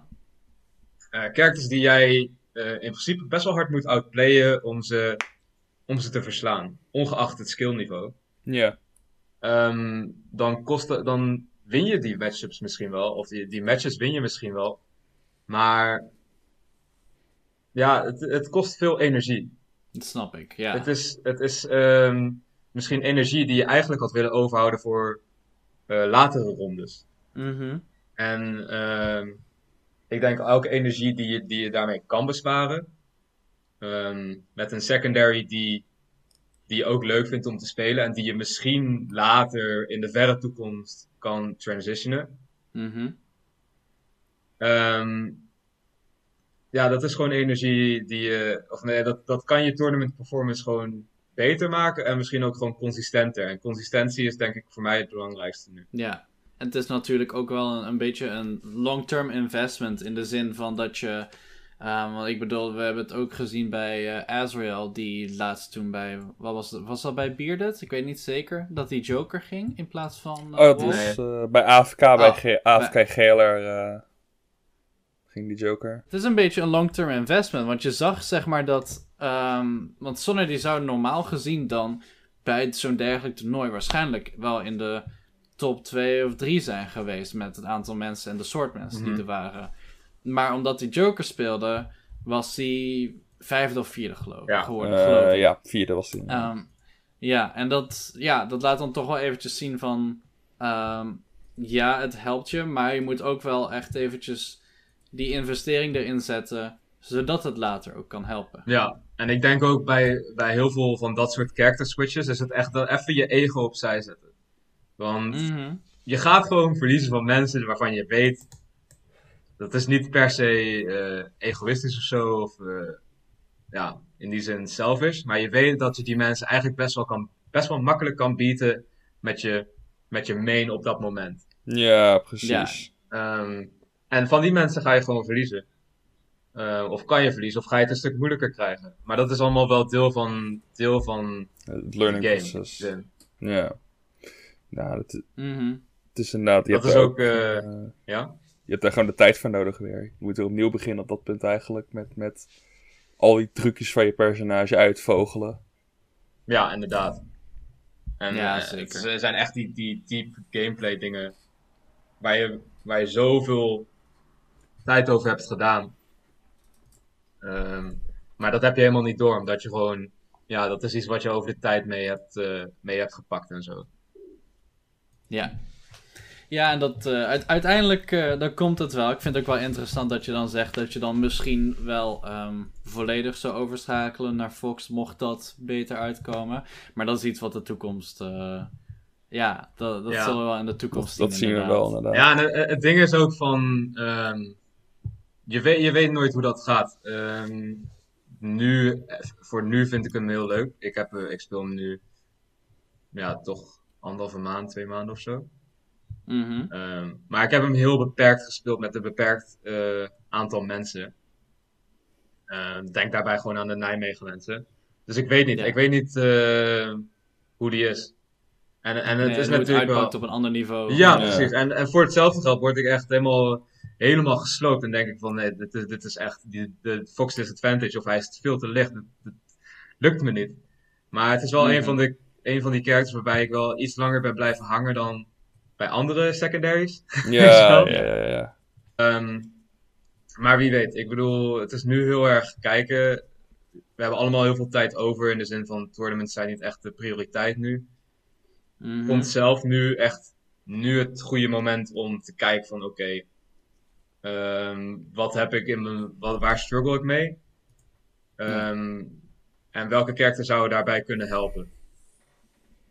Ja, en ik, ik denk de- inderdaad dat nu daar ook een goede tijd voor is. Dat is ook wat Azrael zei eh, over zijn Joker switch. Uh, Mhm.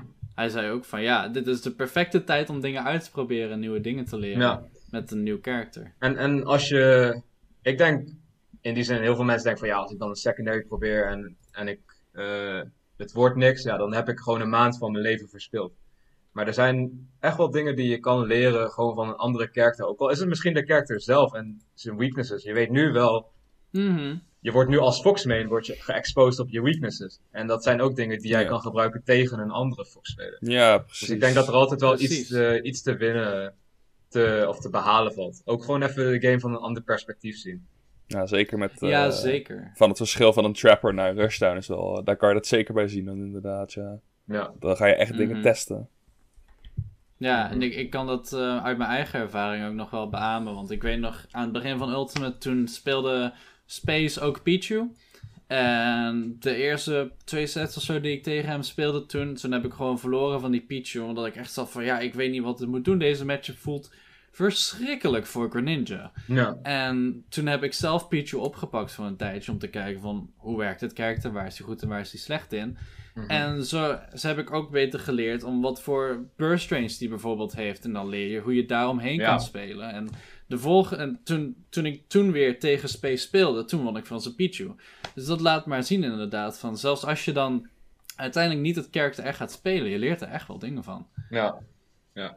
Nee, dat is inderdaad eh, gewoon altijd, altijd in die zin kijken van wat, wat leer ik, wat haal ik hieruit. En eh, Mm. wat leer ik hiervan. Ja, Want dan, dan, En, dan eh, heb je al, dan, dan verlies je, dan kan je er niet meer verliezen. Dan ben je er veel positiever in. Ja, dat is inderdaad een goeie. En ik denk dat dit ook een heel mooie segue is naar het tweede onderwerp. Want dat gaat namelijk over het verbeteren. En eh, ook, een- ook een beetje om, om druk. En die Ja. je voelt van anderen. En dat, daar hebben we het al een beetje over gehad. Ja. Ehm, maar ja, ehm, iets wat natuurlijk wel heel opvallend is aan jou als speler. Is eh, voor de mensen die het niet weten. eh, hij heeft helemaal geen Switch. Dus ondanks dat je nu zeg maar al twee seizoenen op een rij in de top 10 van Nederland staat. En eh, gewoon buitengewoon goed re- goede resultaten weten te behalen in het buitenland Mhm. ook. Ehm, ja, je kan niet op een normale manier, zoals de meeste mensen zouden doen, oefenen. Nee. Ehm, en dat komt dan ook nog eens gepaard met dat je een, een redelijk moeilijk en onorthodox karakter speelt. Ja. Ehm, dus ja, eh, ik vroeg mij af hoe, als jij niet zeg maar normaal eh, even het lab in- de lab in kan gaan om je karakter te oefenen, hoe doe je dat dan? Ja, ik, ik heb dus, eh, ja, dus echt training mode of de lab is echt iets wat ik Mhm. eigenlijk niet echt heb gedaan ooit. Ehm, het is echt iets wat ik eh soort van al spelenderwijs heb, of heb geleerd. Ehm, en ik denk dat een, groot gedeelte is daar natuurlijk wel ehm, is Smash 4. Ik denk dat dat, eh, dat heeft wel de basis gelegd. En ehm Il- Ilko zegt het al. Ehm, ik, ik heb wel eh, genoeg mensen in Nijmegen gehad waar ik, eh, waar ik zelf geen Switch heb, maar bij hun wel terecht eh kon om te oefenen. Oké. Ehm, dus dat zijn in, in het begin van Smash Ultimate is dat vooral Fozon geweest. Dus dan ging Mhm. ik gewoon eens in de week naar Fozon toe. En dat is misschien in het begin bij de release iets vaker geweest. En ik pakte gewoon elke Fight Night mee die ik mee kon pakken. Samen met, samen met Ilko. Ehm, Oké. dus dan gewoon samen de trein. Ehm, kon je altijd de Switch kon je neerzetten. Ja, ja, ja. ja, En ja. dan ging je de oh, daar twee uur ja. spelen. En dat zijn allemaal uurtjes die je mee hebt gepakt. Nou, dan ga je dat toernooi spelen.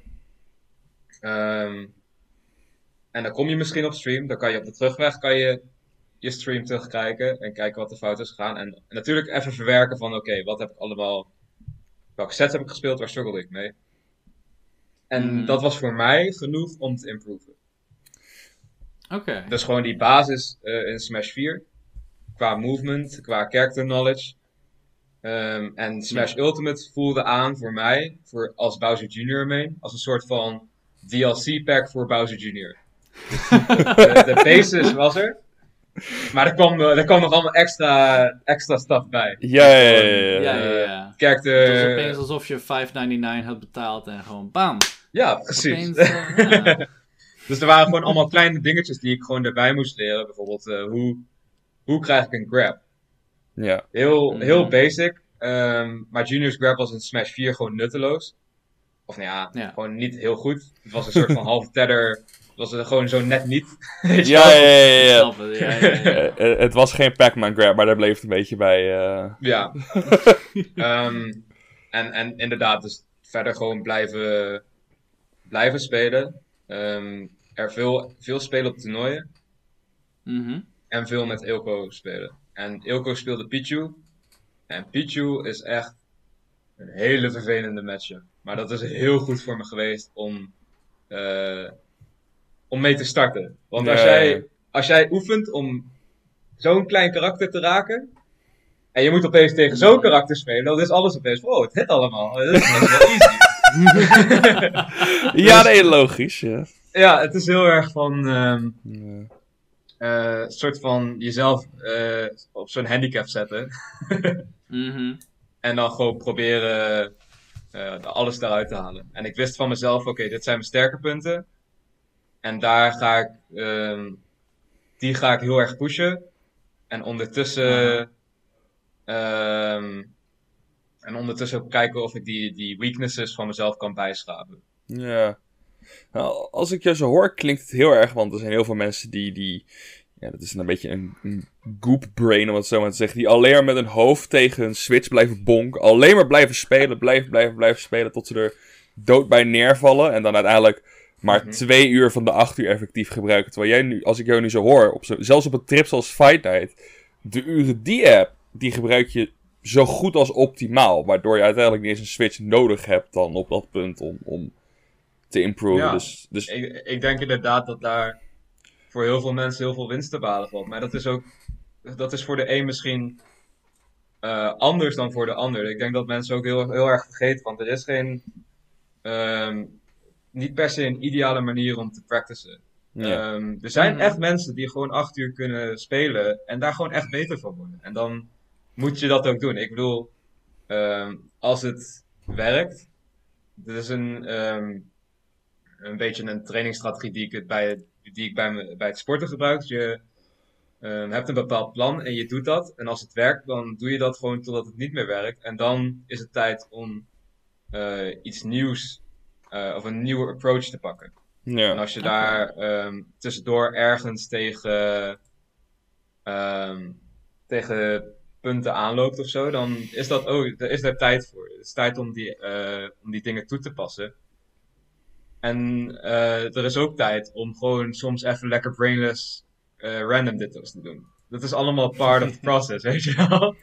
Het hoeft Ja, niet ehm, allemaal even effectief te zijn. Ja. Ehm, zolang jij ehm, in die langere periodes ehm, maar het gevoel hebt dat je dingen aan het leren en aan het verwerken bent.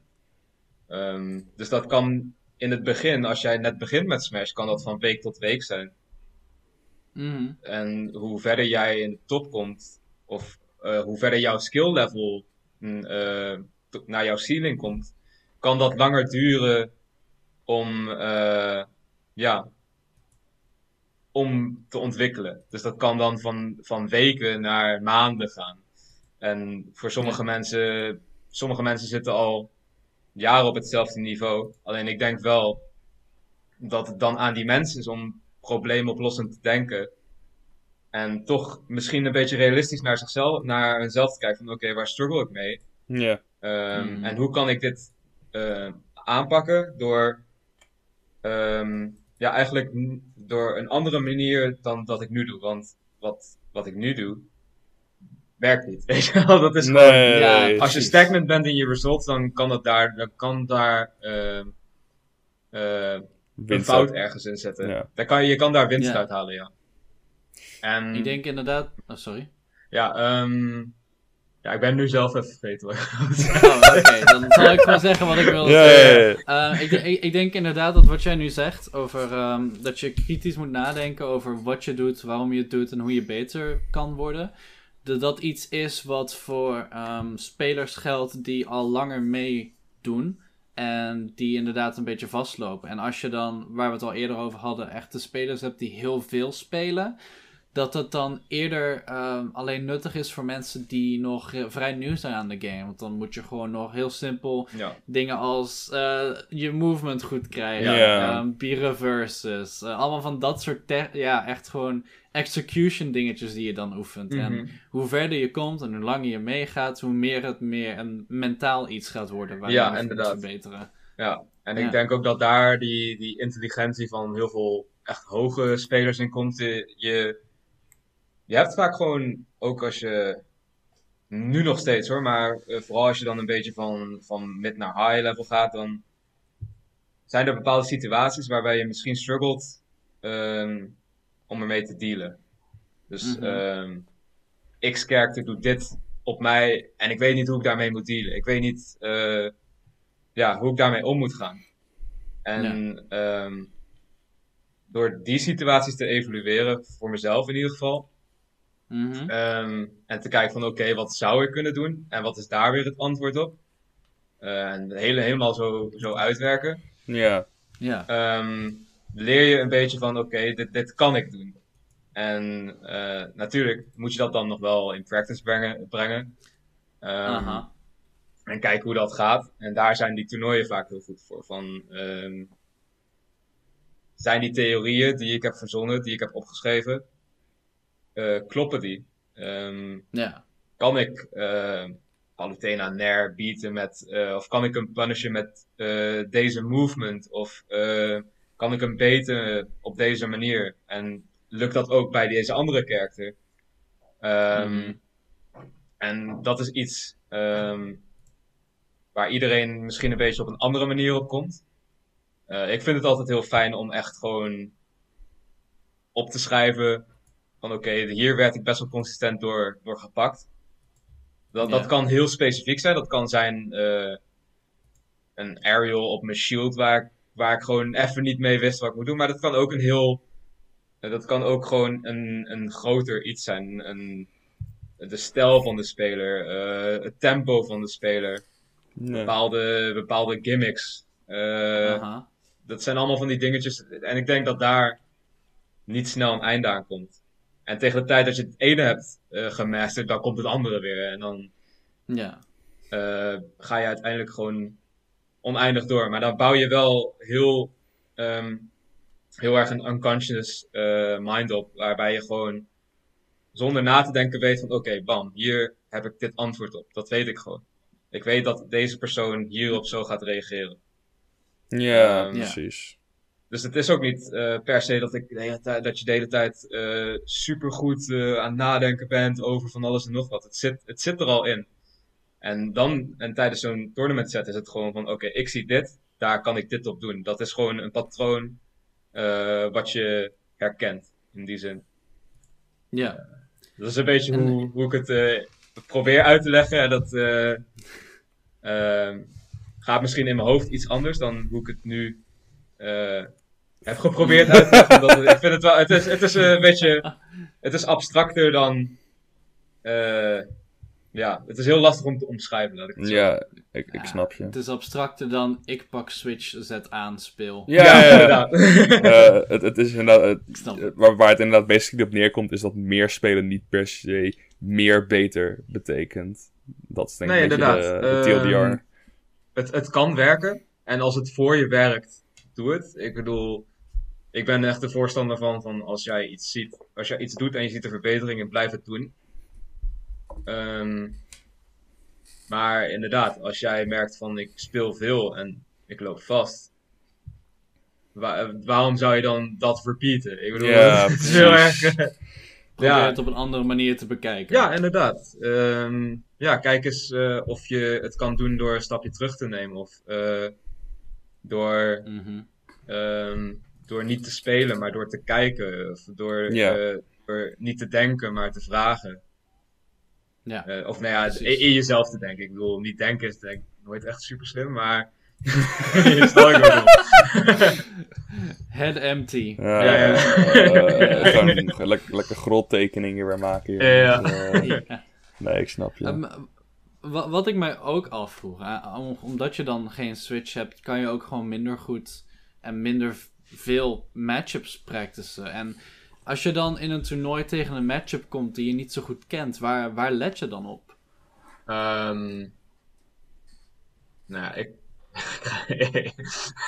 Dan ga ik echt een super unga antwoord geven. Maar ik probeer gewoon eerst te kijken of, eh, hoe ze reageren met, met de tools die ik heb.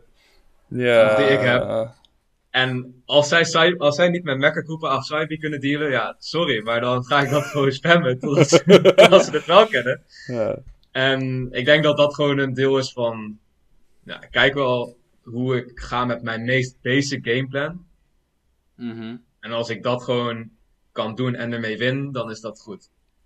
Ehm, en Ja. als ik inderdaad een, een wat higher level ehm, speler tegenkom, die sneller adapt op de dingen die ik gooi, ehm, ja, dan zul je inderdaad in de set zelf, eh, en misschien van tevoren aan de set, ehm, toch wat meer voorbereid moeten zijn op dat soort dingen.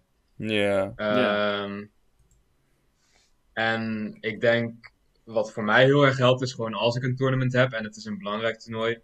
Ehm, ik heb zelf gewoon een heel spreadsheet ehm, met al mijn character dingetjes erin staan.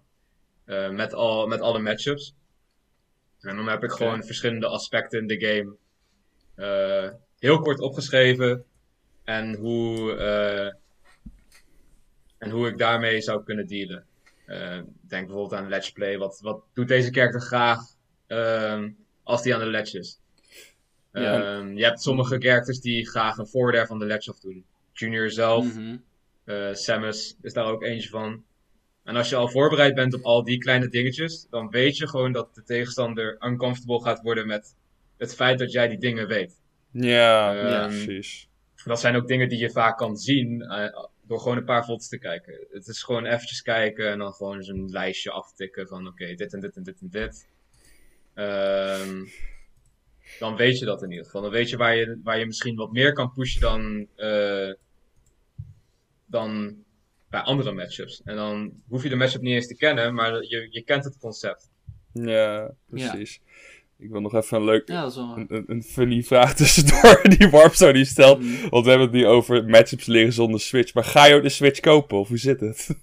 Ja, ik. eh, nou ja, het ding is dat, ehm, dat ik wel ehm, soms kan practicen. Ehm, de situatie is nu dat ik. Ik woon in Nijmegen op kamers. Daar, daar zit ik gewoon het grootste gedeelte van mijn tijd. Mhm. Mhm. En hier in Arnhem woont mijn broer. En zitten mijn ouders. En de broer, of dus, eh, de, broer van mijn, Switch- de switch van mijn broer. ehm, die, die zit hier soms bij mijn ouders. Mm. Alleen, ik- eh, of, nou, hij speelt niet meer echt op die Switch. En, er zit wel, en we hebben wel Smash erop. Ehm, Ah. En ook gewoon een, een, een e-sports friendly monitor. Ehm, dus ik zou in theorie hier kunnen practicen. Maar ik heb, ik heb aan hem gevraagd, kan ik, zou ik die Switch mee kunnen nemen naar Nijmegen? Deels om te practicen en deels om misschien een stream op te pakken. Mhm. Ehm, en hij zei wel ja, dus ik denk dat ik daar wel werk van ga maken. Oké. Dat ik, dat ik gewoon die Switch overneem en hem naar Nijmegen toe neem. Mhm. Ehm, even toch met, eh, met Ultimate, ehm, ja, een beetje ga, ga, ga, ga spelen, toch? de, de, de, de, arc. Ja. Ja. de arc Nee, evolved. twee jaar into the game. Nee, wat ik zelf heel erg merkte was natuurlijk, ik bedoel, toernooien, ik, ik merk nu niet per se nog een, eh, een dip in mijn performance. Ik denk Mhm. juist dat het de laatste tijd super consistent is geworden. Ja. Ehm, in de zin van, ja, natuurlijk had je die piek vorig jaar bij Albion, eh, Glitch en eh, Lightning, dat, dat won. En dat ik opeens in die top 10 kwam en iedereen was wel wow, goede speler, weet je wel. Ja, ja, ja. ja. Ehm, maar ik was toen wel in mijn hoofd en gewoon in mijn performance ook wel een stuk inconsistenter, had ik het gevoel. Mhm. Oké. Ehm, en ik denk wel dat practice daar een deel van eh, een verschil in kan maken. Vooral als ik kijk naar, toch wel weer naar Guus. Die, als ik daar kom, heel, heel eh, gretig zijn lijstje met matchup notes aan het bijwerken is. Terwijl ik daar dan zo gewoon met mijn controllertje zo oh, ja, aan het spelen ben, dan denk ik wel van, wat als ik dat ook zou doen? Ja, precies. Ehm, kan dat dan het verschil maken van, ehm, van wat ik, waar ik nu ben in, in nog, eh, nog verder? Want ja, eh, het, het kan wel. Ik denk wel dat het, Mhm. dat, dat, het, eh, dat het erin zit. ja. En ik heb ook wel een goede environment om me heen van mensen die zeggen dat, eh, dat ik dat ook, eh, die dat confirmen. En dan heb ik ook zelf het gevoel van ja, als ik het dan nu niet doe, dan heb ik het vooral aan mezelf te danken dat, ehm, ja, dat ik eh, niet verder kom dan dat ik nu kom. Ja, precies. Ja. Dus En, en het is toch wel een doel van mij om, om nog verder te komen. En niet per se een bepaalde plaatsing of zo.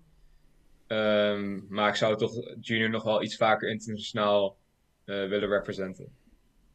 Want ik denk dat nationaal wel redelijk established is nu. Mhm. Internationaal ook wel, maar kan, kan nog wel meer.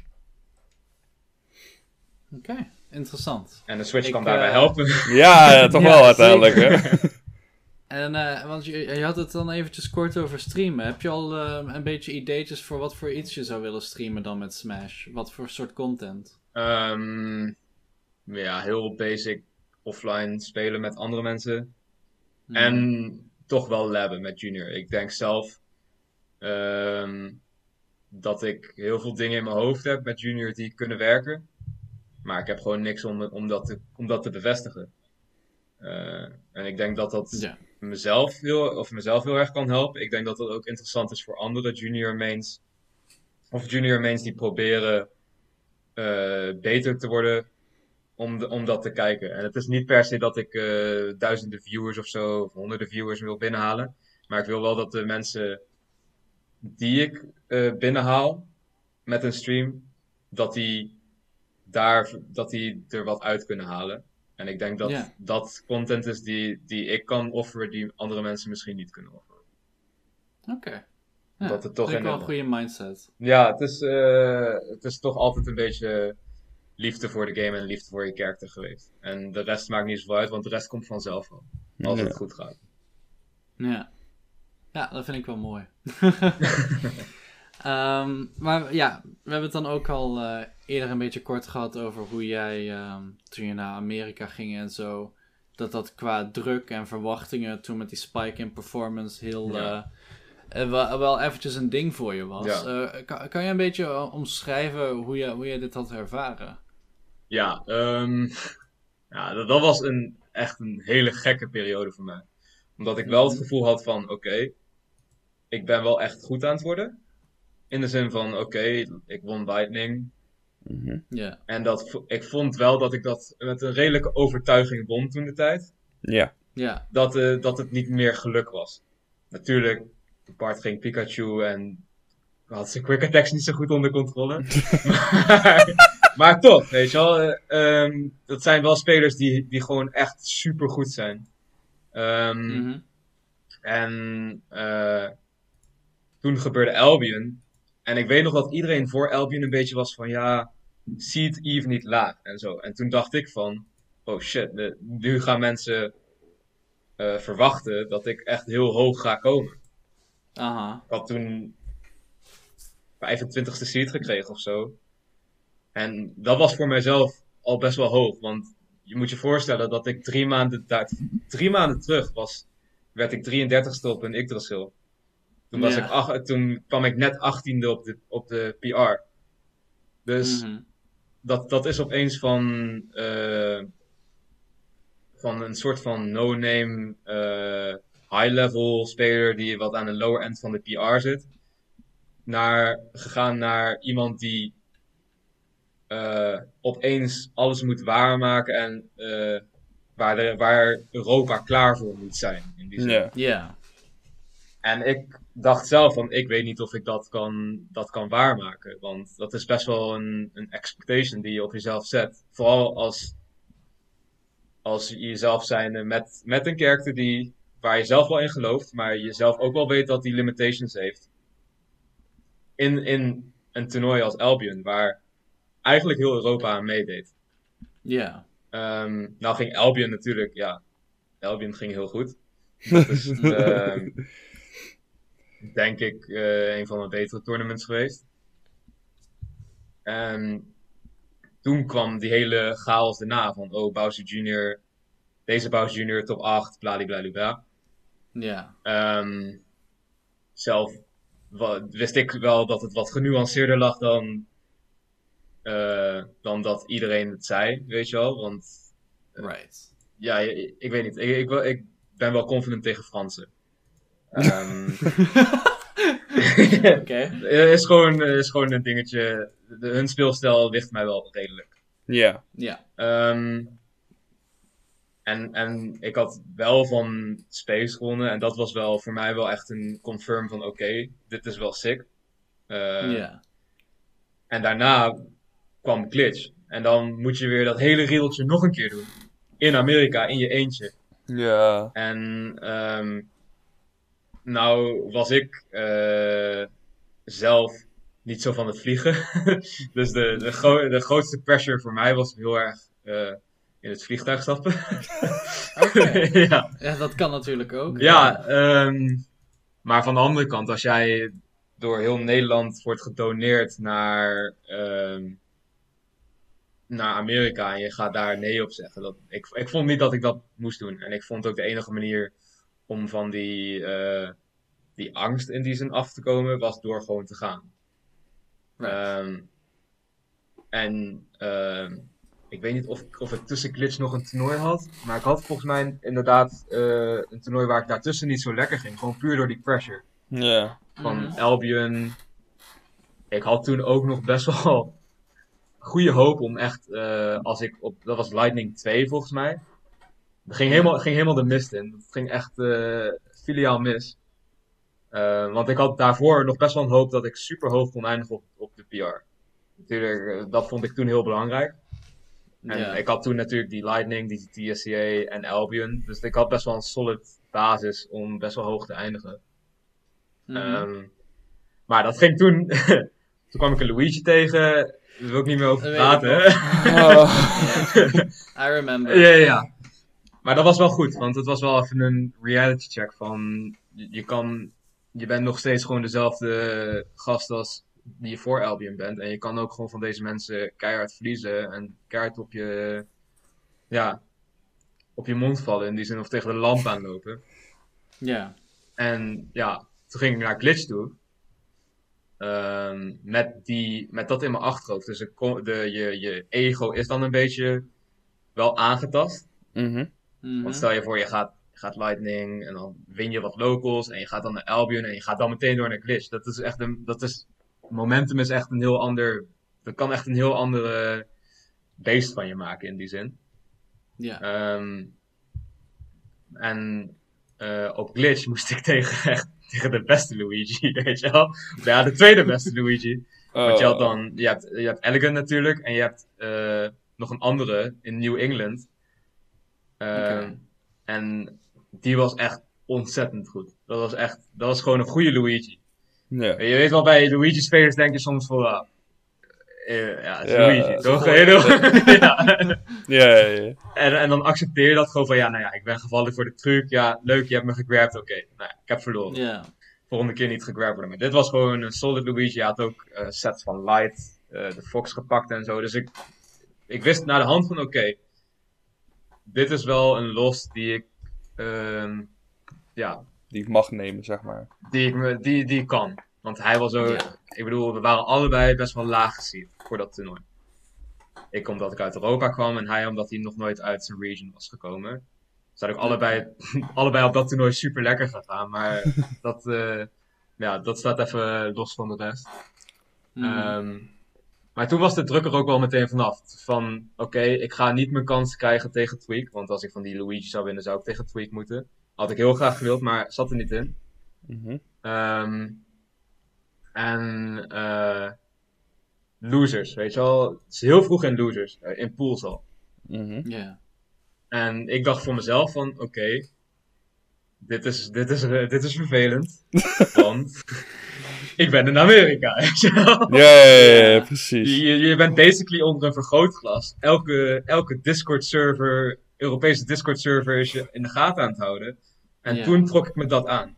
Eh, want ja, natuurlijk, je bent net opgehyped. Je zit op Cloud9 van, van Albion en van de tournaments. Mhm. Dus het was toen heel leuk om te kijken wat mensen van je vonden. Dat was echt eh, wow, weet je wel. Cool.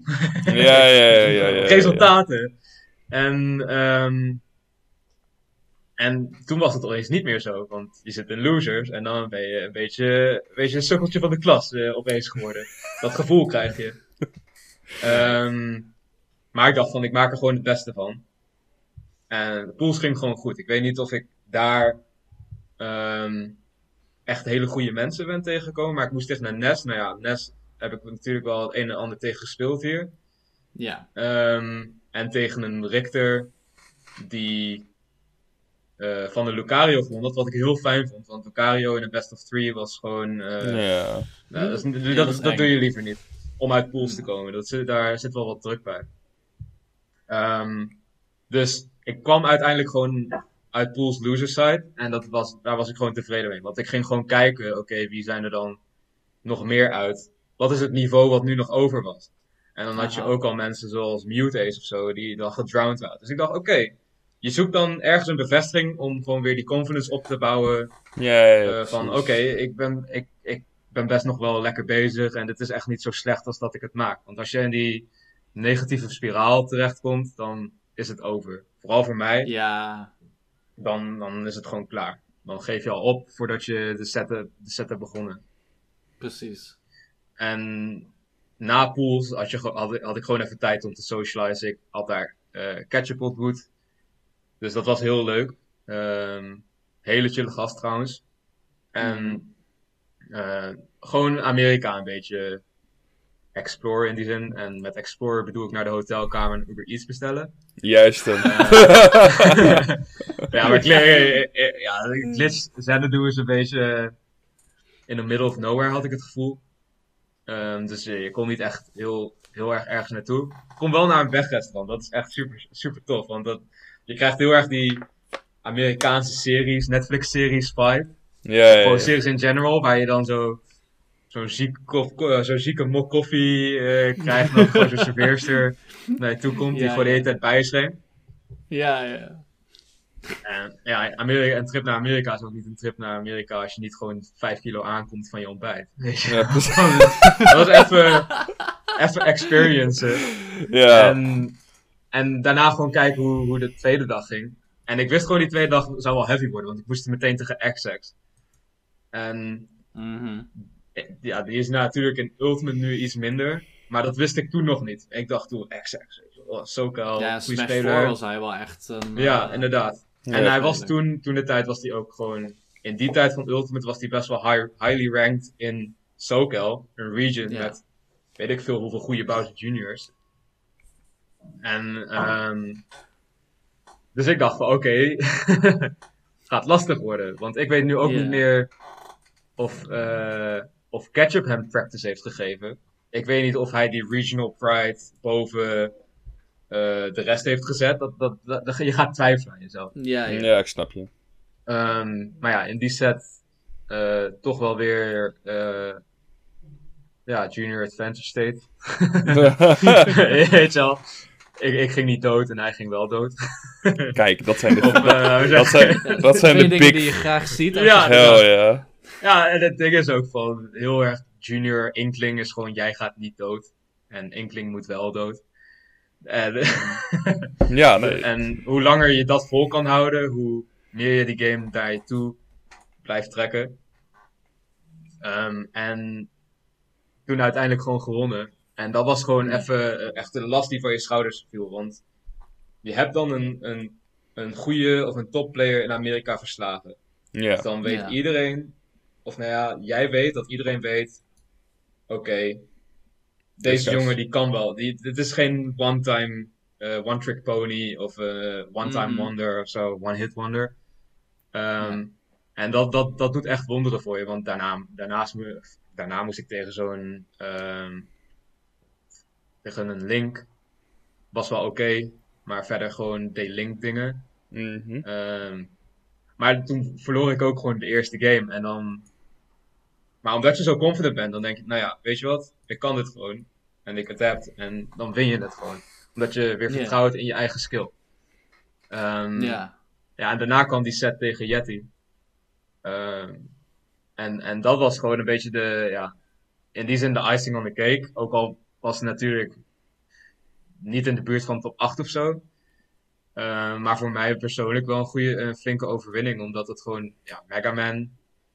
Eh, Mhm. niet, niet een fijn karakter om tegen te spelen. Vooral niet voor Junior. Ehm, ik, heb Nee. wel, ik heb het een en ander toen tegen Herman Loading, g- zijn Mega Man gespeeld. En ik moet zeggen dat hij me toch wel een groot gedeelte van de tijd best wel hard aanpakte. Ja. Ehm, dus ik wist van oké, dit gaat best wel zwaar worden. Maar gelukkig had Loading me toen nog best wel clutch.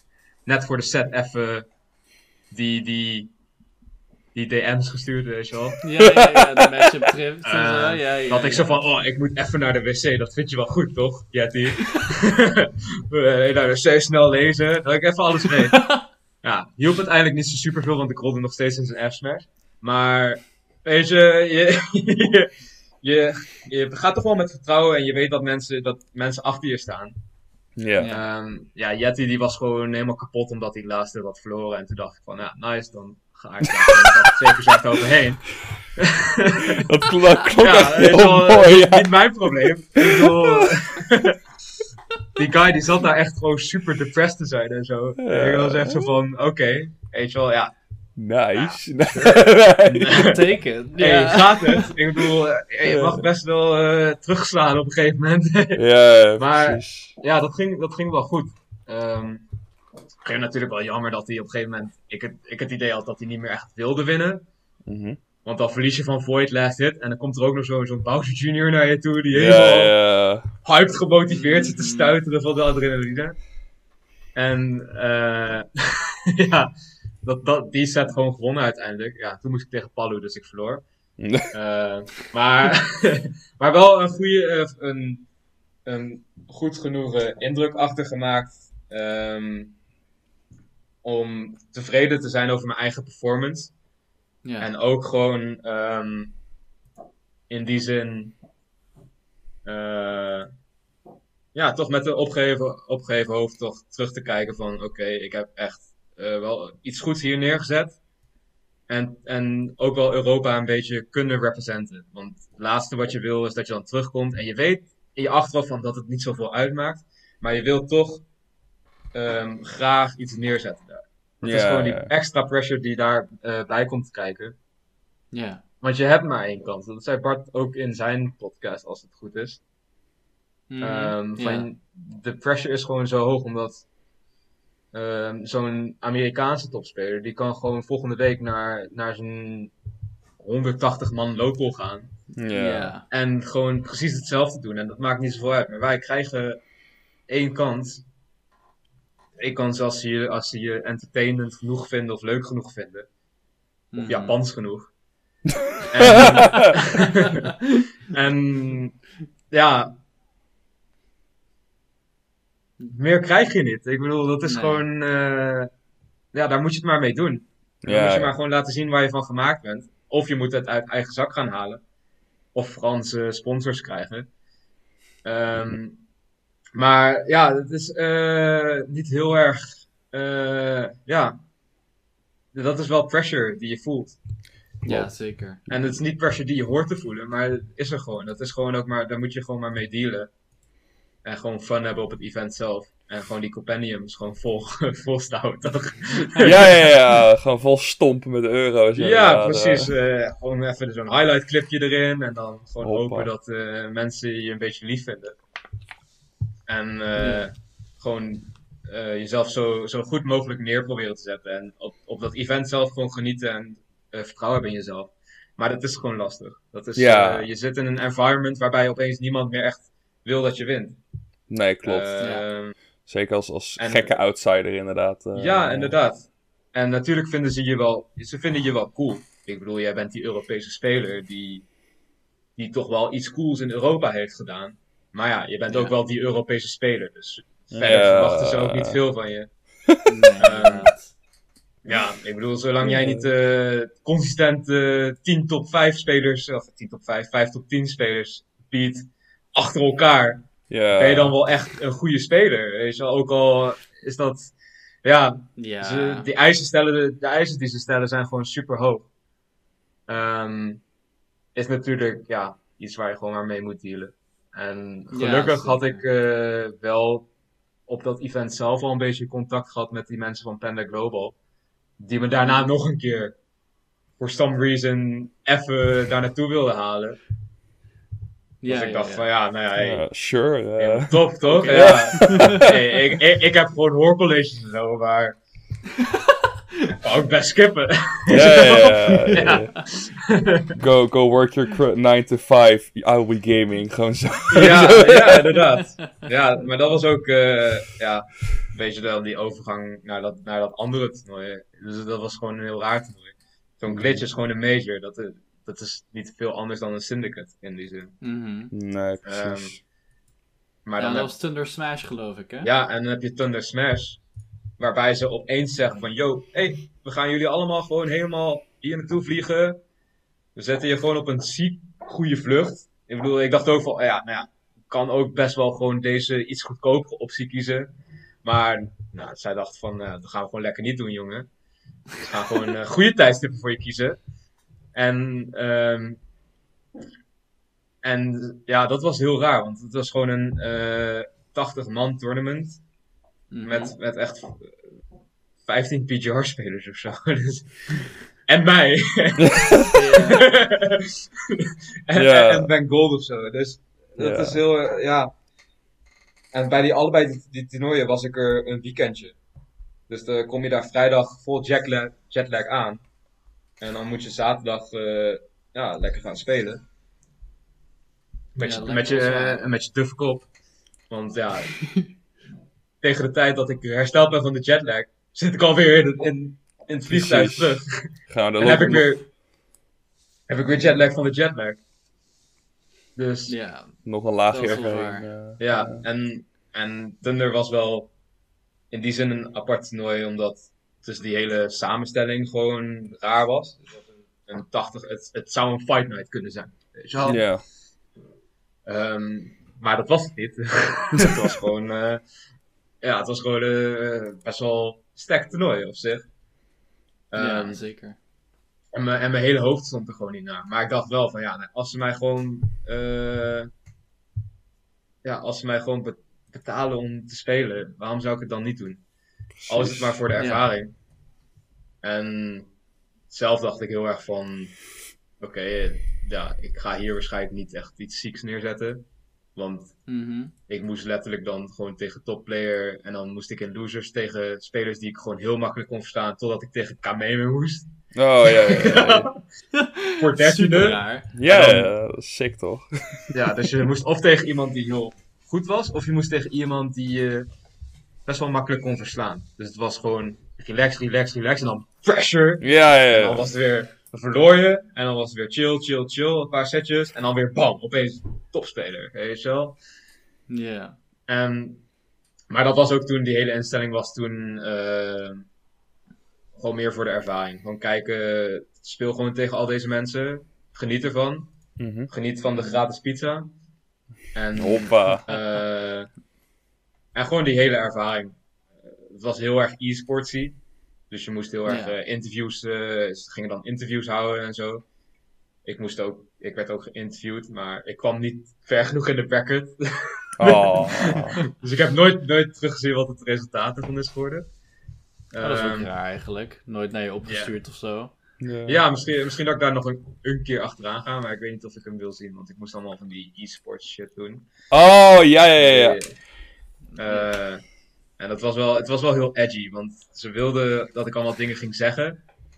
En ik was zelf heel friendly en zo van, oh ja, als ik maar goed perform, dan ben ik tevreden. Nee, Ja. ze wilden gewoon dat je echt zo, ja, ik ga jullie allemaal aanpakken en zo. Oh, Eh, dat, Amerikaanse echt. zit- eh, ja, ja, ja, Ja. dat, dat zat Ja. gewoon niet in mijn aard. Nee, snap ik. Ehm, dus, dus dat was gewoon meer een soort van experience weekend. Waar je dan gewoon Mm. opeens even tegen ISM kan spelen. En even tegen wat Japanse spelers kan spelen. Gewoon een dagje. En dan, weet- dan, Ja. leer, je, dan leer je wel waar je staat. Eh, dus dat is in die zin wel goed geweest. Omdat ik nu wel Mm. weet wat, wat dat niveau vereist. Oké. Ehm, maar de timing was Is dat gewoon- heel anders dan in Europa, denk je? Sorry?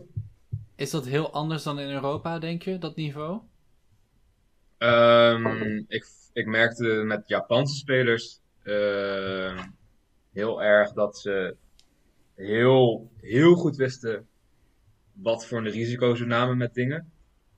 Oké. En dat is wel iets wat ik eh, bij Euro- Europese spelers nog wel eens mis. Die denken nog wel eens gewoon van, eh, gewoon erin, weet je wel. En gewoon gaan en ik ga gewoon gooien. Ik zelf ook. Dat had ik toen ook tegen die Japanse spelers. Dus dat was heel erg van, oh, nou, dat kan ik dus niet doen. Weet je wel? Aha. En ehm, tegen Isam was het gewoon Pikachu. Een top-level Pikachu. Oké, als ik dus nu geraakt word, dan pak ik gewoon echt consistent 80%. Ja. Poef, en, ehm, en dat is gewoon wel. Je, je gaat dan wel anders nadenken over je risk-reward. mhm. Omdat je, je risk neemt gewoon een stuk meer toe. Eh, en eh, je reward is ongeveer hetzelfde, maar omdat je risk zo hoog is, ga je minder dat risico nemen, waardoor je uiteindelijk ook minder, eh, minder resultaten Ja. eruit haalt. Mhm. Ja. Ja, Ehm, nee, dus dat is wel interessant. Ja, dus dat was heel erg met de. Gewoon, het was gewoon. Er zat meer idee achter. Ehm, dus ik, je moet dan toch. Je komt niet meer eh, door met je standaard flowchart. Omdat ze die standaard flowchart hebben ze binnen. eh, die hebben ze gewoon veel sneller uitgevogeld dan dat ze die hier zouden uitvogelen. Maar ook gewoon mid-level Amerika of zo hoor.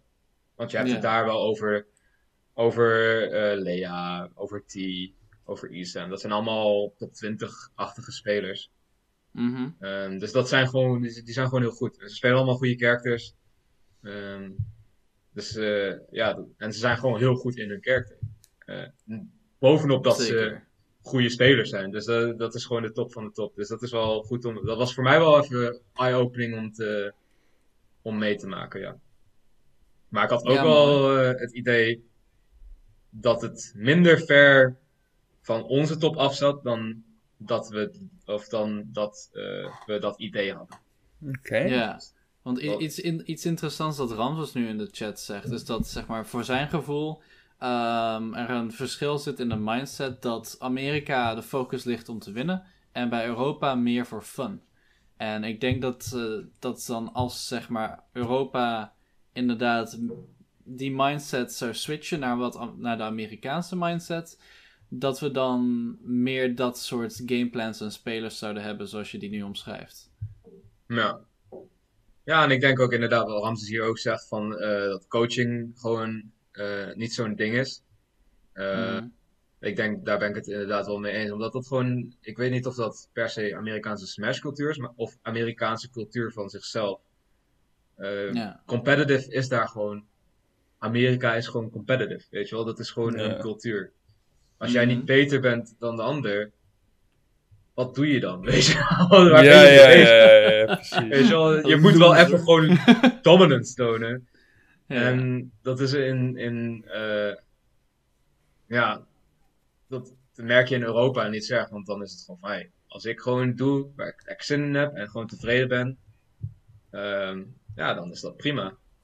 Ja. Ehm, en sommige mensen gaan daar heel goed op, maar het zal voor heel veel mensen ook gewoon eh, eh, in die zin heel erg eh, de pressure afnemen en ook de pressure om consistent te blijven performen. Dus dat kan iets goed zijn, maar dat kan ook iets slecht zijn.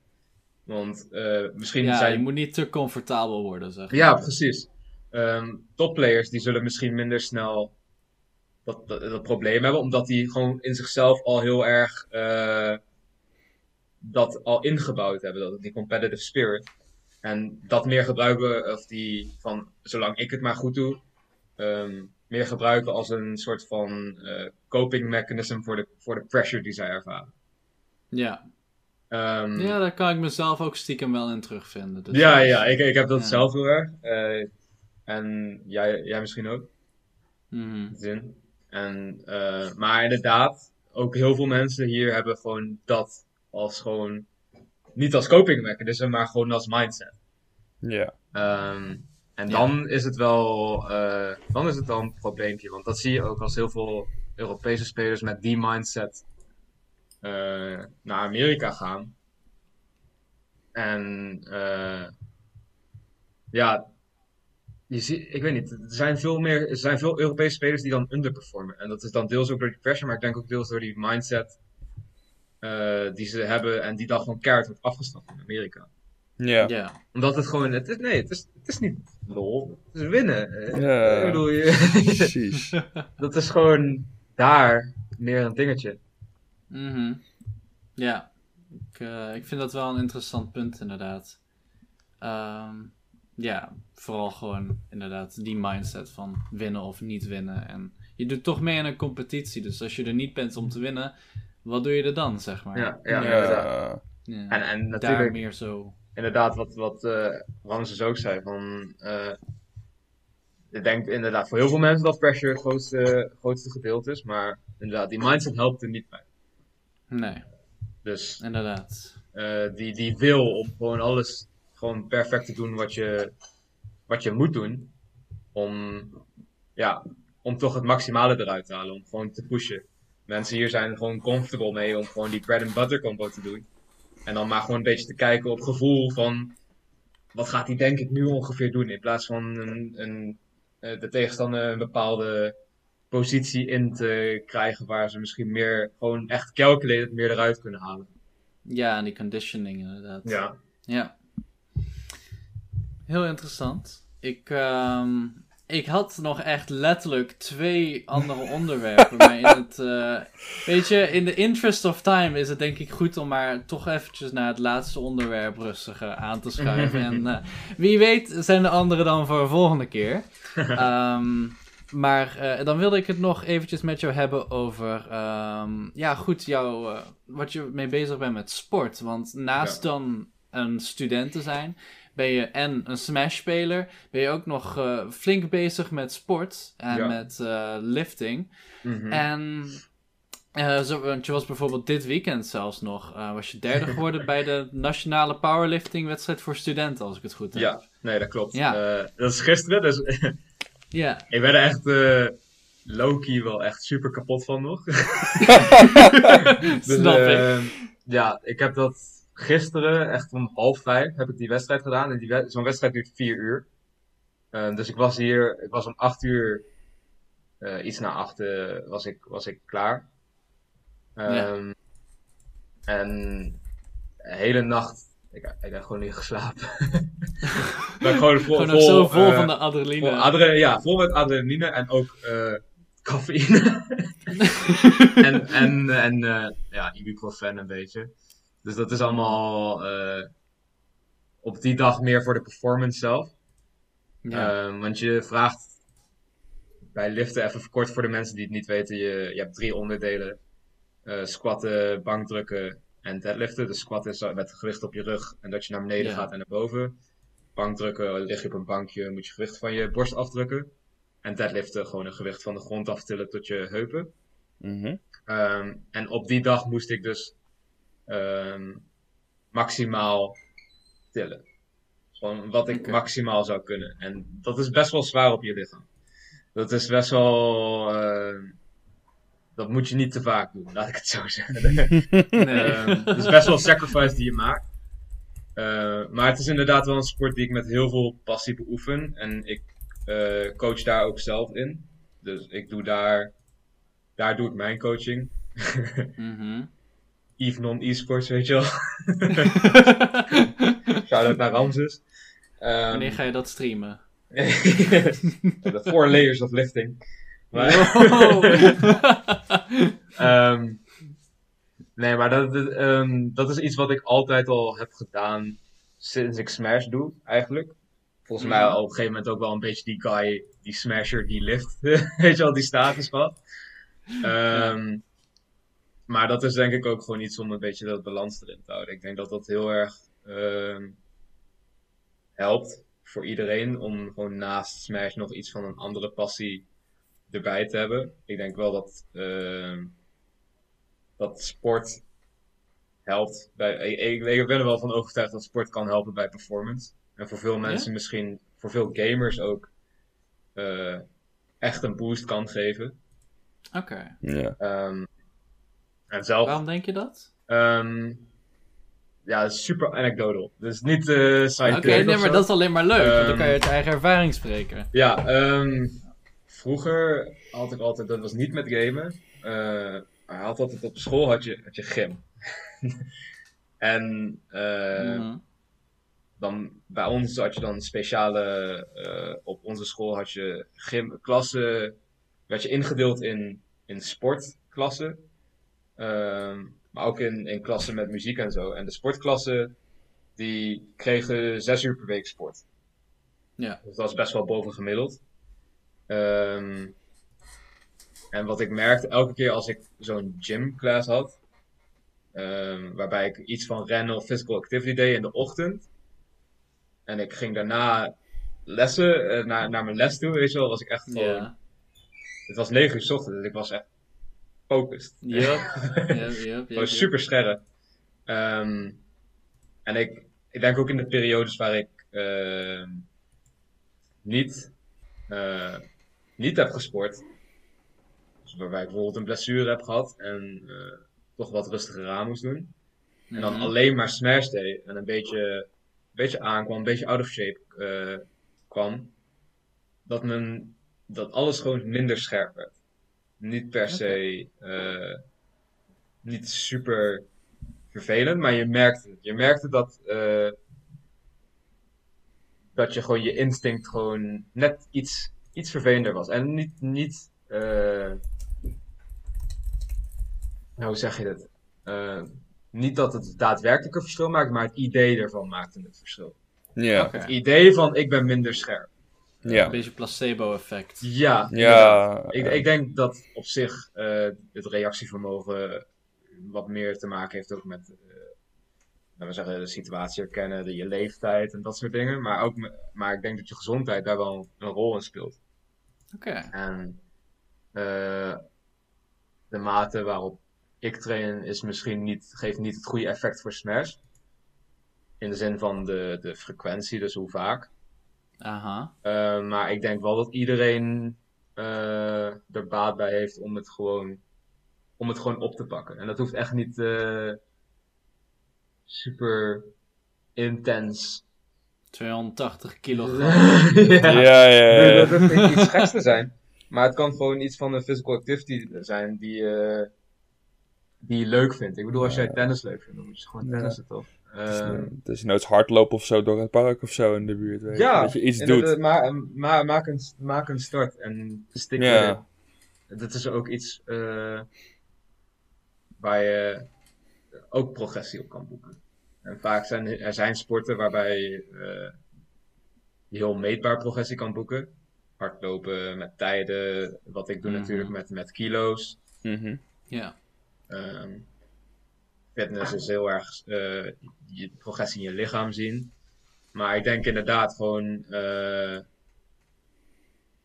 ja, Iets doen in ieder geval. Dat i- je iets doen inderdaad. Ja.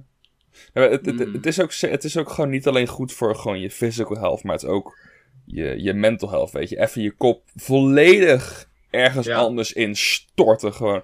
En dan ook echt gewoon voor gaan, weet je. Dat je dan desnoods gewoon zo hard loopt dat je je longen uit je lichaam hoest. Maar dat je wel, Ja. maar, erg, nee maar niet letterlijk, maar dat je, dat je ergens anders op eenzelfde manier mee bezig kan zijn, zeg maar. Dat je niet in dezelfde headspace blijft zitten constant. Ik ken, het, Mhm. ik ken wel mensen die, die studeren en die spelen dan Smash op dezelfde plek. En dat doen ze dan constant. Waardoor je Ja, eigenlijk alleen maar in dezelfde plek blijft zitten. Terwijl als je daar dat mix-up met een, een uurtje hardlopen of zoiets. Of Mhm. naar een squashbaan gaan of zo, ik noem maar wat. Dan, dan Ja. blijf je inderdaad zoveel langer gewoon mentaal actief, scherper. En dan, dan, dan... Soms, soms kom je ook gewoon wel eens op een rekening met terwijl je dat andere juist aan het doen bent. Ja. Ja, en, En en het is ook volgens heel mij erg is- ja, het verwerkingsproces van, eh, van al die dingen. De- hoe, de, hoe erg dat naar voren komt als jij dan gewoon een activiteit doet waar je gewoon echt even ja, niet, niet hoeft na te denken in die zin. Gewoon, Ja. ik, ik, zie gewicht, ik zie gewicht, ik til op. Weet je. Ja, super, super, super dom, maar Ja. ja, het is wel... eh, Ja, ja, ja. ja, natuurlijk, het is natuurlijk eh, iets, iets gecompliceerder dan dat ik het nu omschrijf, maar... Ja, Mm. Geloof ik wel. Ehm, ja, Het is wel, Ja. het, het is wel een, een soort van eh uitlaatklep. Volgens mij is het ook wel wetenschappelijk bewezen dat je daadwerkelijk eh, blijer wordt als je fysiek actief bezig bent en fysiek gezond bent. Dat zou zeker. Dus eh, dat, dat, dat daar is het ook nog eens goed voor. eh, te beamen, ja. ja. Ik, ik voel dat zelf in ieder geval heel erg. En ik merk ook van andere mensen die dit doen, of andere, andere smashers, ehm, die dat doen, of die dat zijn gaan, zijn gaan doen, Aha. dat Mhm. die daar wel, wel veel eh, bij ervaren. Of veel, ja, eh, profijt van hebben. Ja, ja, precies. veel profijt van hebben, ja. Ja, ik, ik voel me dan wel af hoe je dan de twee, zeg maar, combineert. Want mij lijkt dat het best wel lastig is om, om zeg maar, die verdeling van tijd eh, goed te krijgen. Ook nog Ja. eens gecombineerd met je studie. Ja, het is heel erg, ehm, eh, heel erg planning georiënteerd. Ehm, dus wat ik doe met liften is, ik werk naar wedstrijden toe. Mhm. Ehm, dus mijn doel is om op die wedstrijd zo sterk mogelijk te zijn in die periode. Oké, Ehm, het maakt mijn, eh, en vaak werk ik daar dan naartoe in een periode van 16, 12 weken. oké. Ongeveer. Ehm, als ik in de buurt kom van die wedstrijd, heeft die wedstrijd gewoon de prioriteit. Dat is gewoon hoe het is. Maar dat, dat zijn vier weken. Vier, Ja. drie weken. Ehm, vaak kan ik dan die vierde, vijfde week nog wel een toernooitje meepakken. En dan is het gewoon even ook klaar. Ehm, en dat is echt niet eh, erg. Want een, een seizoen, stel je voor je doet het voor performance Ja, een seizoen in Smash is langer dan één maand. Mhm. Ehm, en, en ik weet niet of je in of, of mensen Smash echt doen voor het inkomen in die zin. Eh, hier niet, denk ik. nee, maar inderdaad, eh, dat is denk ik wel iets waar, waar je dan rekening mee zou moeten houden. En ik denk als je dat inplant, dan kan je er prima omheen spelen. Als je, het laatste wat je wil is dat je bij beide slecht gaat. Ja, Dus nee, dat inderdaad.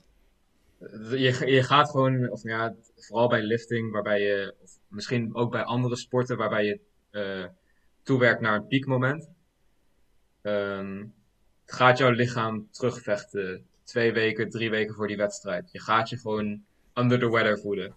Je, Mhm. je, je voelt je zwakker, je, je wordt een beetje wazig. En dat, gaat, dat is niet ten, ten goede van je performance. Maar als je ook nog, ehm, van, ten goede van je, van je smash performance, maar als je tijdens die, die fase ook nog een smash performance wil neerzetten, dan is dat echt zo'n neerwaartse spiraal. Want dan gaat je, Juist. ehm, ja, je sport gaat ook weer om, ehm, precies. omlaag. Dus dan, het is gewoon heel erg een kwestie van prioriteiten stellen. Ik Ja. weet wanneer ik wedstrijden heb. Ik heb altijd wel een wedstrijd in oktober. Mhm. Ehm, dus ik weet dat ik die periode wel moet reserveren eh, voor een wedstrijd. Ja, En, oké.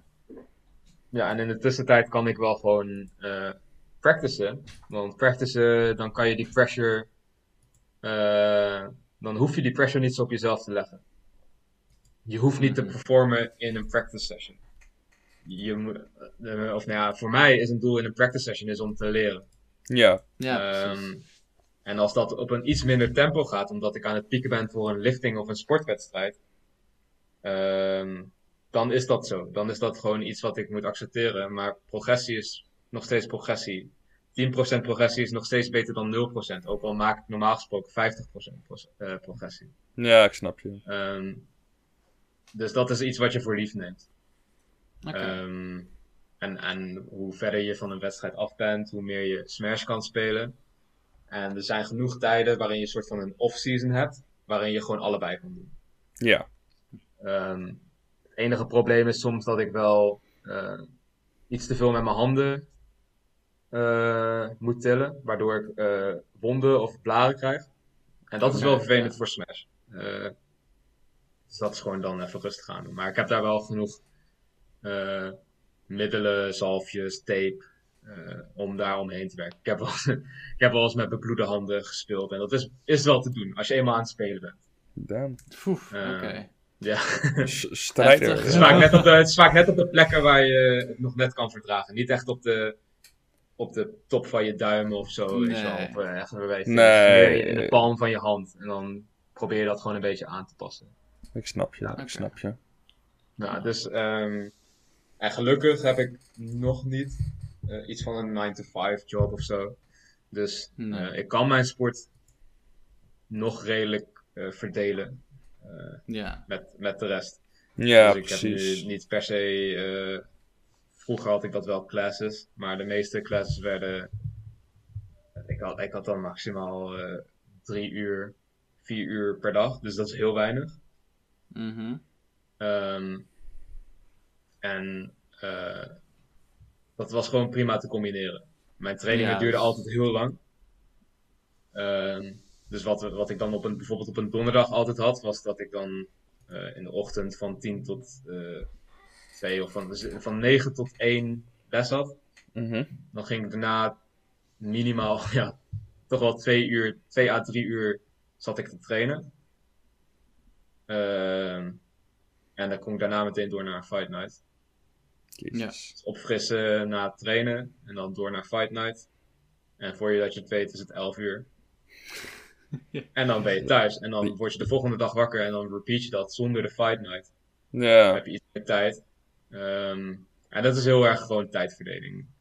Ehm, Ja. gewoon strak alles inplannen, inderdaad. eh. Ja, ja inderdaad. Ehm, Ja. Dus de, ehm, dat, dat sporten is wel gewoon... Ik, op een gegeven moment wordt dat een ritme. Ik doe dat vijf keer in de week ongeveer. Mhm. Mhm. Maar het is gewoon deel van je dag geworden. Dus dat, dan, dan is het geen issue meer, omdat je weet van oké, dit, dit is gewoon daarvoor gereserveerd. En dan eh, ja. Dan weet kan je je daar wel, omheen je. plannen eigenlijk. Ja, precies. En omdat ik nu wel eh, daarin ook gewoon coaching wat serieuzer neem, gaat dat wel meer tijd eh, opnemen. Dus het is even kijken. Even kijken hoe ik dat eh, allemaal in ga plannen. Maar ik denk dat het wel goed komt. Ja. Klinkt veelbelovend in ieder geval. eh. Ja, Ja, ik vind het interessant eh, om het eventjes zo mee te krijgen. En gesproken over nog interessante dingen. Dit zijn een beetje de, de laatste paar vragen die ik voor je heb. Ehm, Mhm. ik, voel, ik voel me af, omdat ja goed, Smash en sport worden toch wel, weet je wel, e-sports en sport worden toch wel vaak een beetje als, als tegenpolen gezien. Zeker ehm, door buitenstaanders. En ik, ik Ja. vroeg mij af of de mensen die zeg maar ehm, aan deadlifting doen en, en gewoon liften in general, of dat Mhm. heel anders is, of die heel anders zijn dan eh, smashers bijvoorbeeld. Oeh. Ehm, ja, dat is- wel een goede vraag hoor. Ik denk wel dat ehm, mensen die, li- die echt eh, liftingwedstrijden doen in general, Hmm. eh, wat meer out there zijn. Mhm. Ehm, bij smashers, misschien gamers in general, moet je, heb, je, heb je wel wat langer die tijd nodig om een beetje open te, eh, Ja, ja. open te worden. Ja. En om mensen een beetje te leren kennen. En bij eh, lifting heb je gewoon. Je hebt haantjesgedrag. En dat is niet per se eh, slecht. Mhm. Maar ze zitten er wel tussen. Ik bedoel, er zijn wel een paar van die, van die alpha guys die gewoon een beetje zo. Juist, ja, ja, even, ja. even aan het show zijn. En kijk, omdat ik daar ook vaak ben, weet je van elkaar van oké, dat is niet per se. Die mensen zijn vaak heel zachtaardig van binnen. Mhm. Ehm, en ook misschien een klein beetje insecure. Maar, Ja, ehm, al een beetje voor show, zeg maar. ja, Ja, tuurlijk. Ehm, maar over het algemeen, vaak de leeftijd, dan zijn de mensen wel. eh, als, als de leeftijd hetzelfde is, dan zijn de mensen ook wel hetzelfde. Omdat het ook veel. Ik ga wel veel met eh, studenten, Ja, om in die zin. De groep waarin ik me bevind zijn vooral al- medestudenten. Mhm. Ehm, en die weten allemaal wel een beetje van, van Smash af. En ja. eh, heel veel lifters zijn ook gamers. Dus dat is, ik, weet Oké. niet, ik weet niet waarom, maar dat is Ja. een combinatie die, eh, die goed werkt. Eh, ik, ik, ik zie dat constant like, die stokfoto's van de enorme kleerkasten Ja. van mannen achter zo'n klein laptopje. eh. Yay! Don't worry, King. Eh, nee, maar ook interessant, oké. Dat, dat was nou Ja, echt het laatste wat ik had verwacht, eerlijk gezegd. Want je hebt vaak wel eens dat, dat maar zeker met zulke krachtsporten inderdaad, dat ze er wel eh, een beetje een zelfgelijke hobby aan hebben. Maar dat het dan vaak toch in de gaming zit, zeg maar. Dat, dat, dat dat is wel interessant om te weten. Want als je bijvoorbeeld kijkt naar, naar. Ja, nu ga ik waarschijnlijk dingen zeggen waar sommige mensen die luisteren niet zo blij worden. Als je bijvoorbeeld kijkt naar, naar voetballers, weet je. Als je die vraagt van ja, wat game je? Ja, ik speel FIFA. Punt. dat is het dan, weet je. Hey, Ja. FIFA is leuk. Ja, ik weet het, ik weet het. Ik weet, ik, ik, eh, ik, daarom, zeg, daarom zeg ik het ook, rustig. Nee, maar, nee, maar hoe heet het? Ehm, daar blijft het toch vaak een beetje in datzelfde hoekje zitten. En dan, dan zijn het niet zozeer quote-unquote gamers, maar meer mensen die gewoon FIFA spelen daarnaast, weet je. Dat Ja, ze die, ja, die zouden ja. daarnaast niet zo heel veel spelen.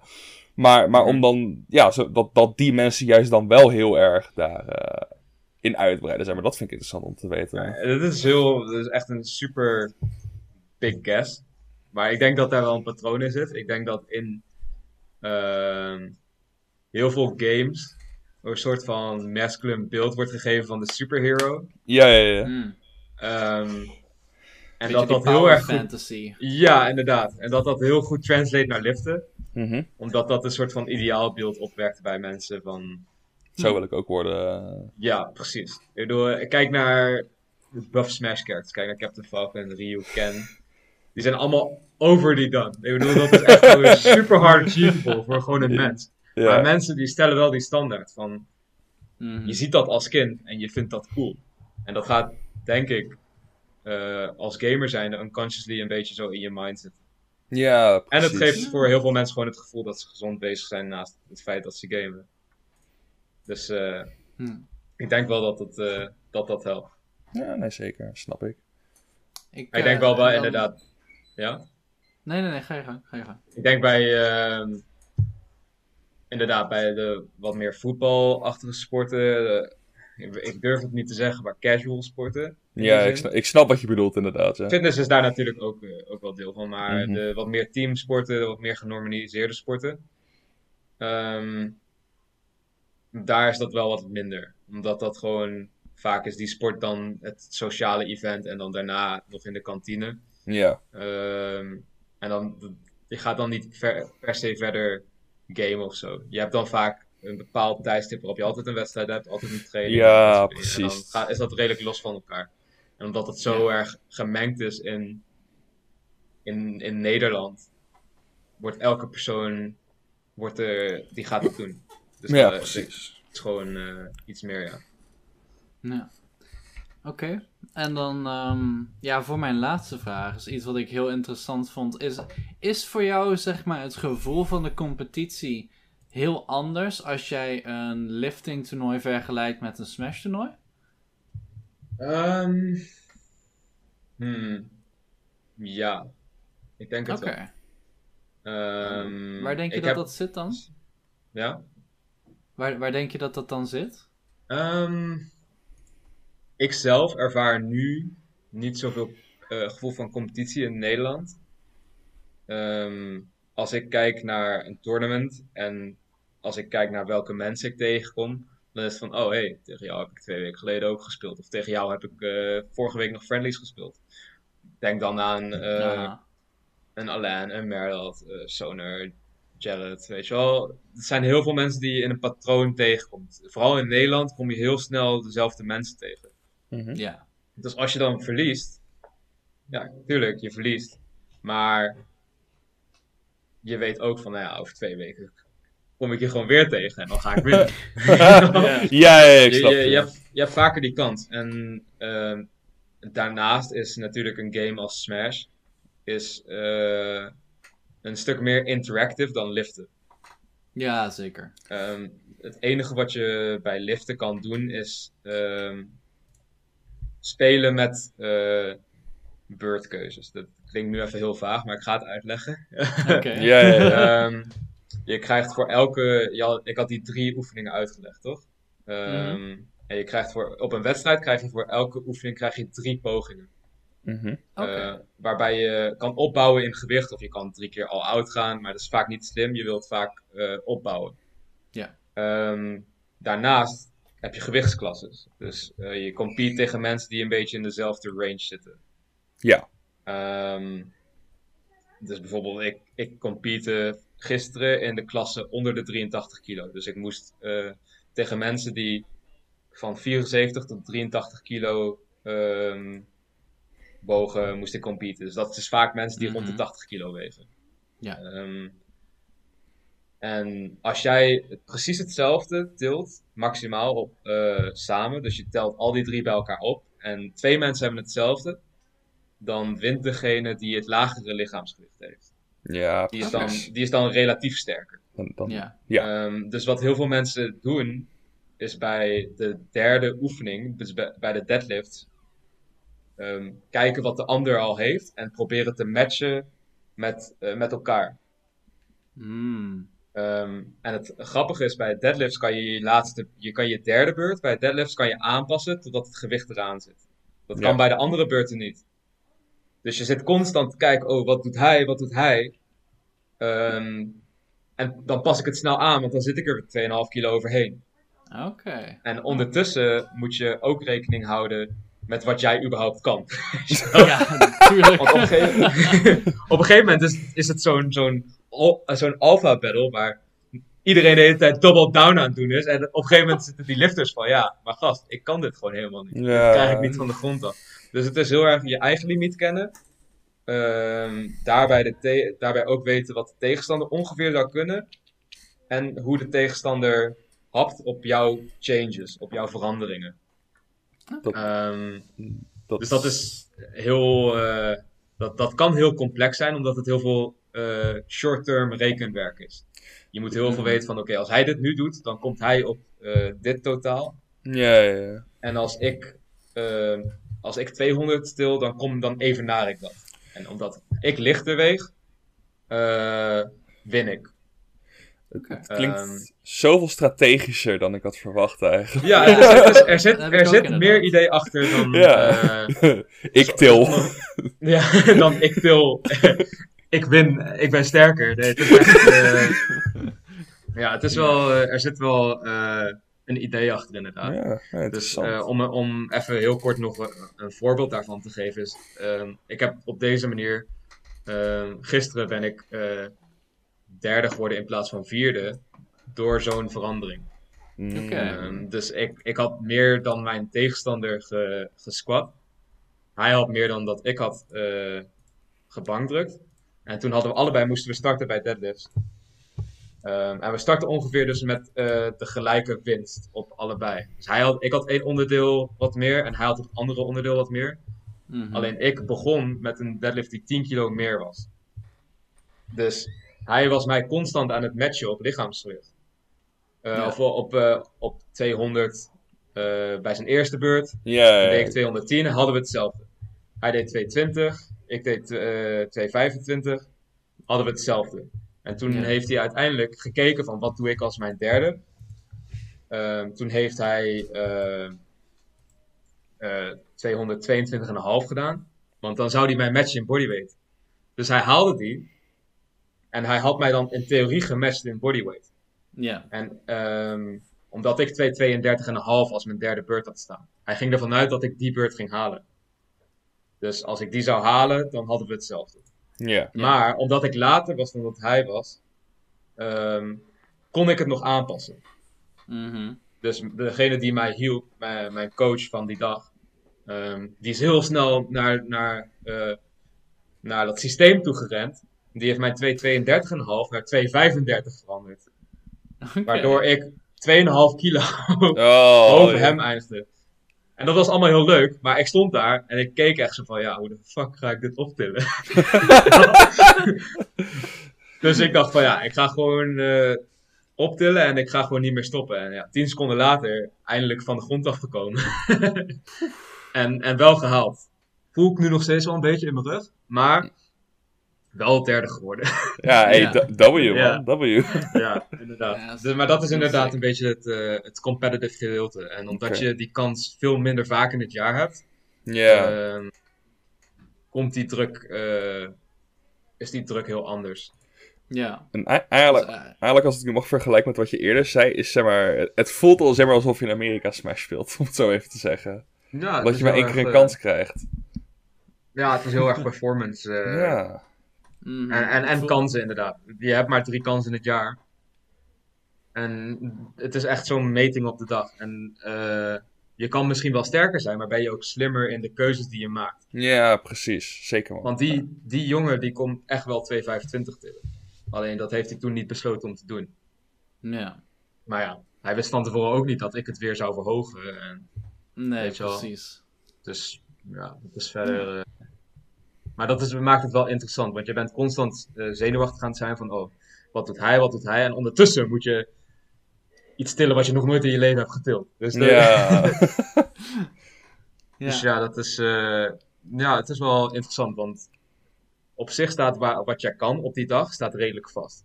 Het is niet dat jij opeens eh, zoveel meer gaat doen ehm, dan wat je verwacht hebt. Want je, je weet dat je dit kan.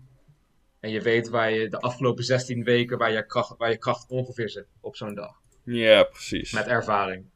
Ehm, en natuurlijk op die dag dan offer je er wat op. In die zin van, het is niet iets wat je elke dag doet, want dan, dat, dat heeft wel impact op je lichaam. ja, dat lijkt me veel te zwaar. ja, inderdaad. Dat is eh, inderdaad eh, wel heftig. Ehm, maar het is wel iets wat je gewoon kan doen. Als je het gewoon verantwoord doet. Ehm, en als je gewoon inderdaad energievol blijft. eh, ik zie in de chat al cafeïne langskomen. Als je dat een beetje op peil houdt, dan, eh, ja, dan, eh, dan lukt dat wel. Ja. Ja. Het is, eh, ja, eigenlijk als ik het een beetje zo eh, goed begrijp, dan voor jou zijn Smash competities net iets meer, zeg maar, ehm, dat je voorbereidt door middel van wat je met anderen speelt en hoe je op anderen inspeelt Mhm. en zo. En Mhm. dat zit ook wel een beetje bij je lifting competities, alleen daar gaat het ook wel meer echt om je, je eigen performance en het strakke regiment van de training, zeg maar, vol kunnen houden. Ja, het is, kijk, in die zin is Smash meer een multiplayer met een, met, voor mij een multiplayer met een singleplayer minigame. Ja, ja, ja. ja, En, en lifting is meer singleplayer met een multiplayer minigame. Ja, daar hebben ze de multiplayer er later in gepatcht, inderdaad. Nog. Ja, precies, precies. Zo van, oh ja, dit, kan ook, dit kunnen we ook nog wel competitief. ja, Nee, dus eh, ja, dat is inderdaad het, ik denk het grootste verschil, ja.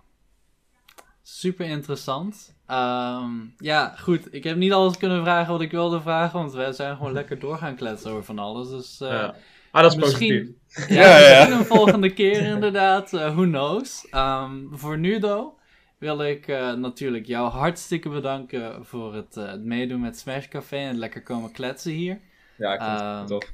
Ja, Dagobert, jij ook natuurlijk weer hartstikke bedankt. Ehm, ook natuurlijk nog even een shout-out naar onze vaste sponsor van Juice.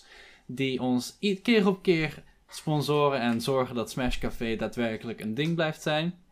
Ehm, dus hartstikke bedankt daarvoor. Mocht je zin hebben in lekkere Juice Real Energy, ga dan naar juiceenergy.eu en gebruik de code SHUK voor 15% korting. Ehm, en dan, ja, volgende week hebben we natuurlijk weer een nieuwe gast.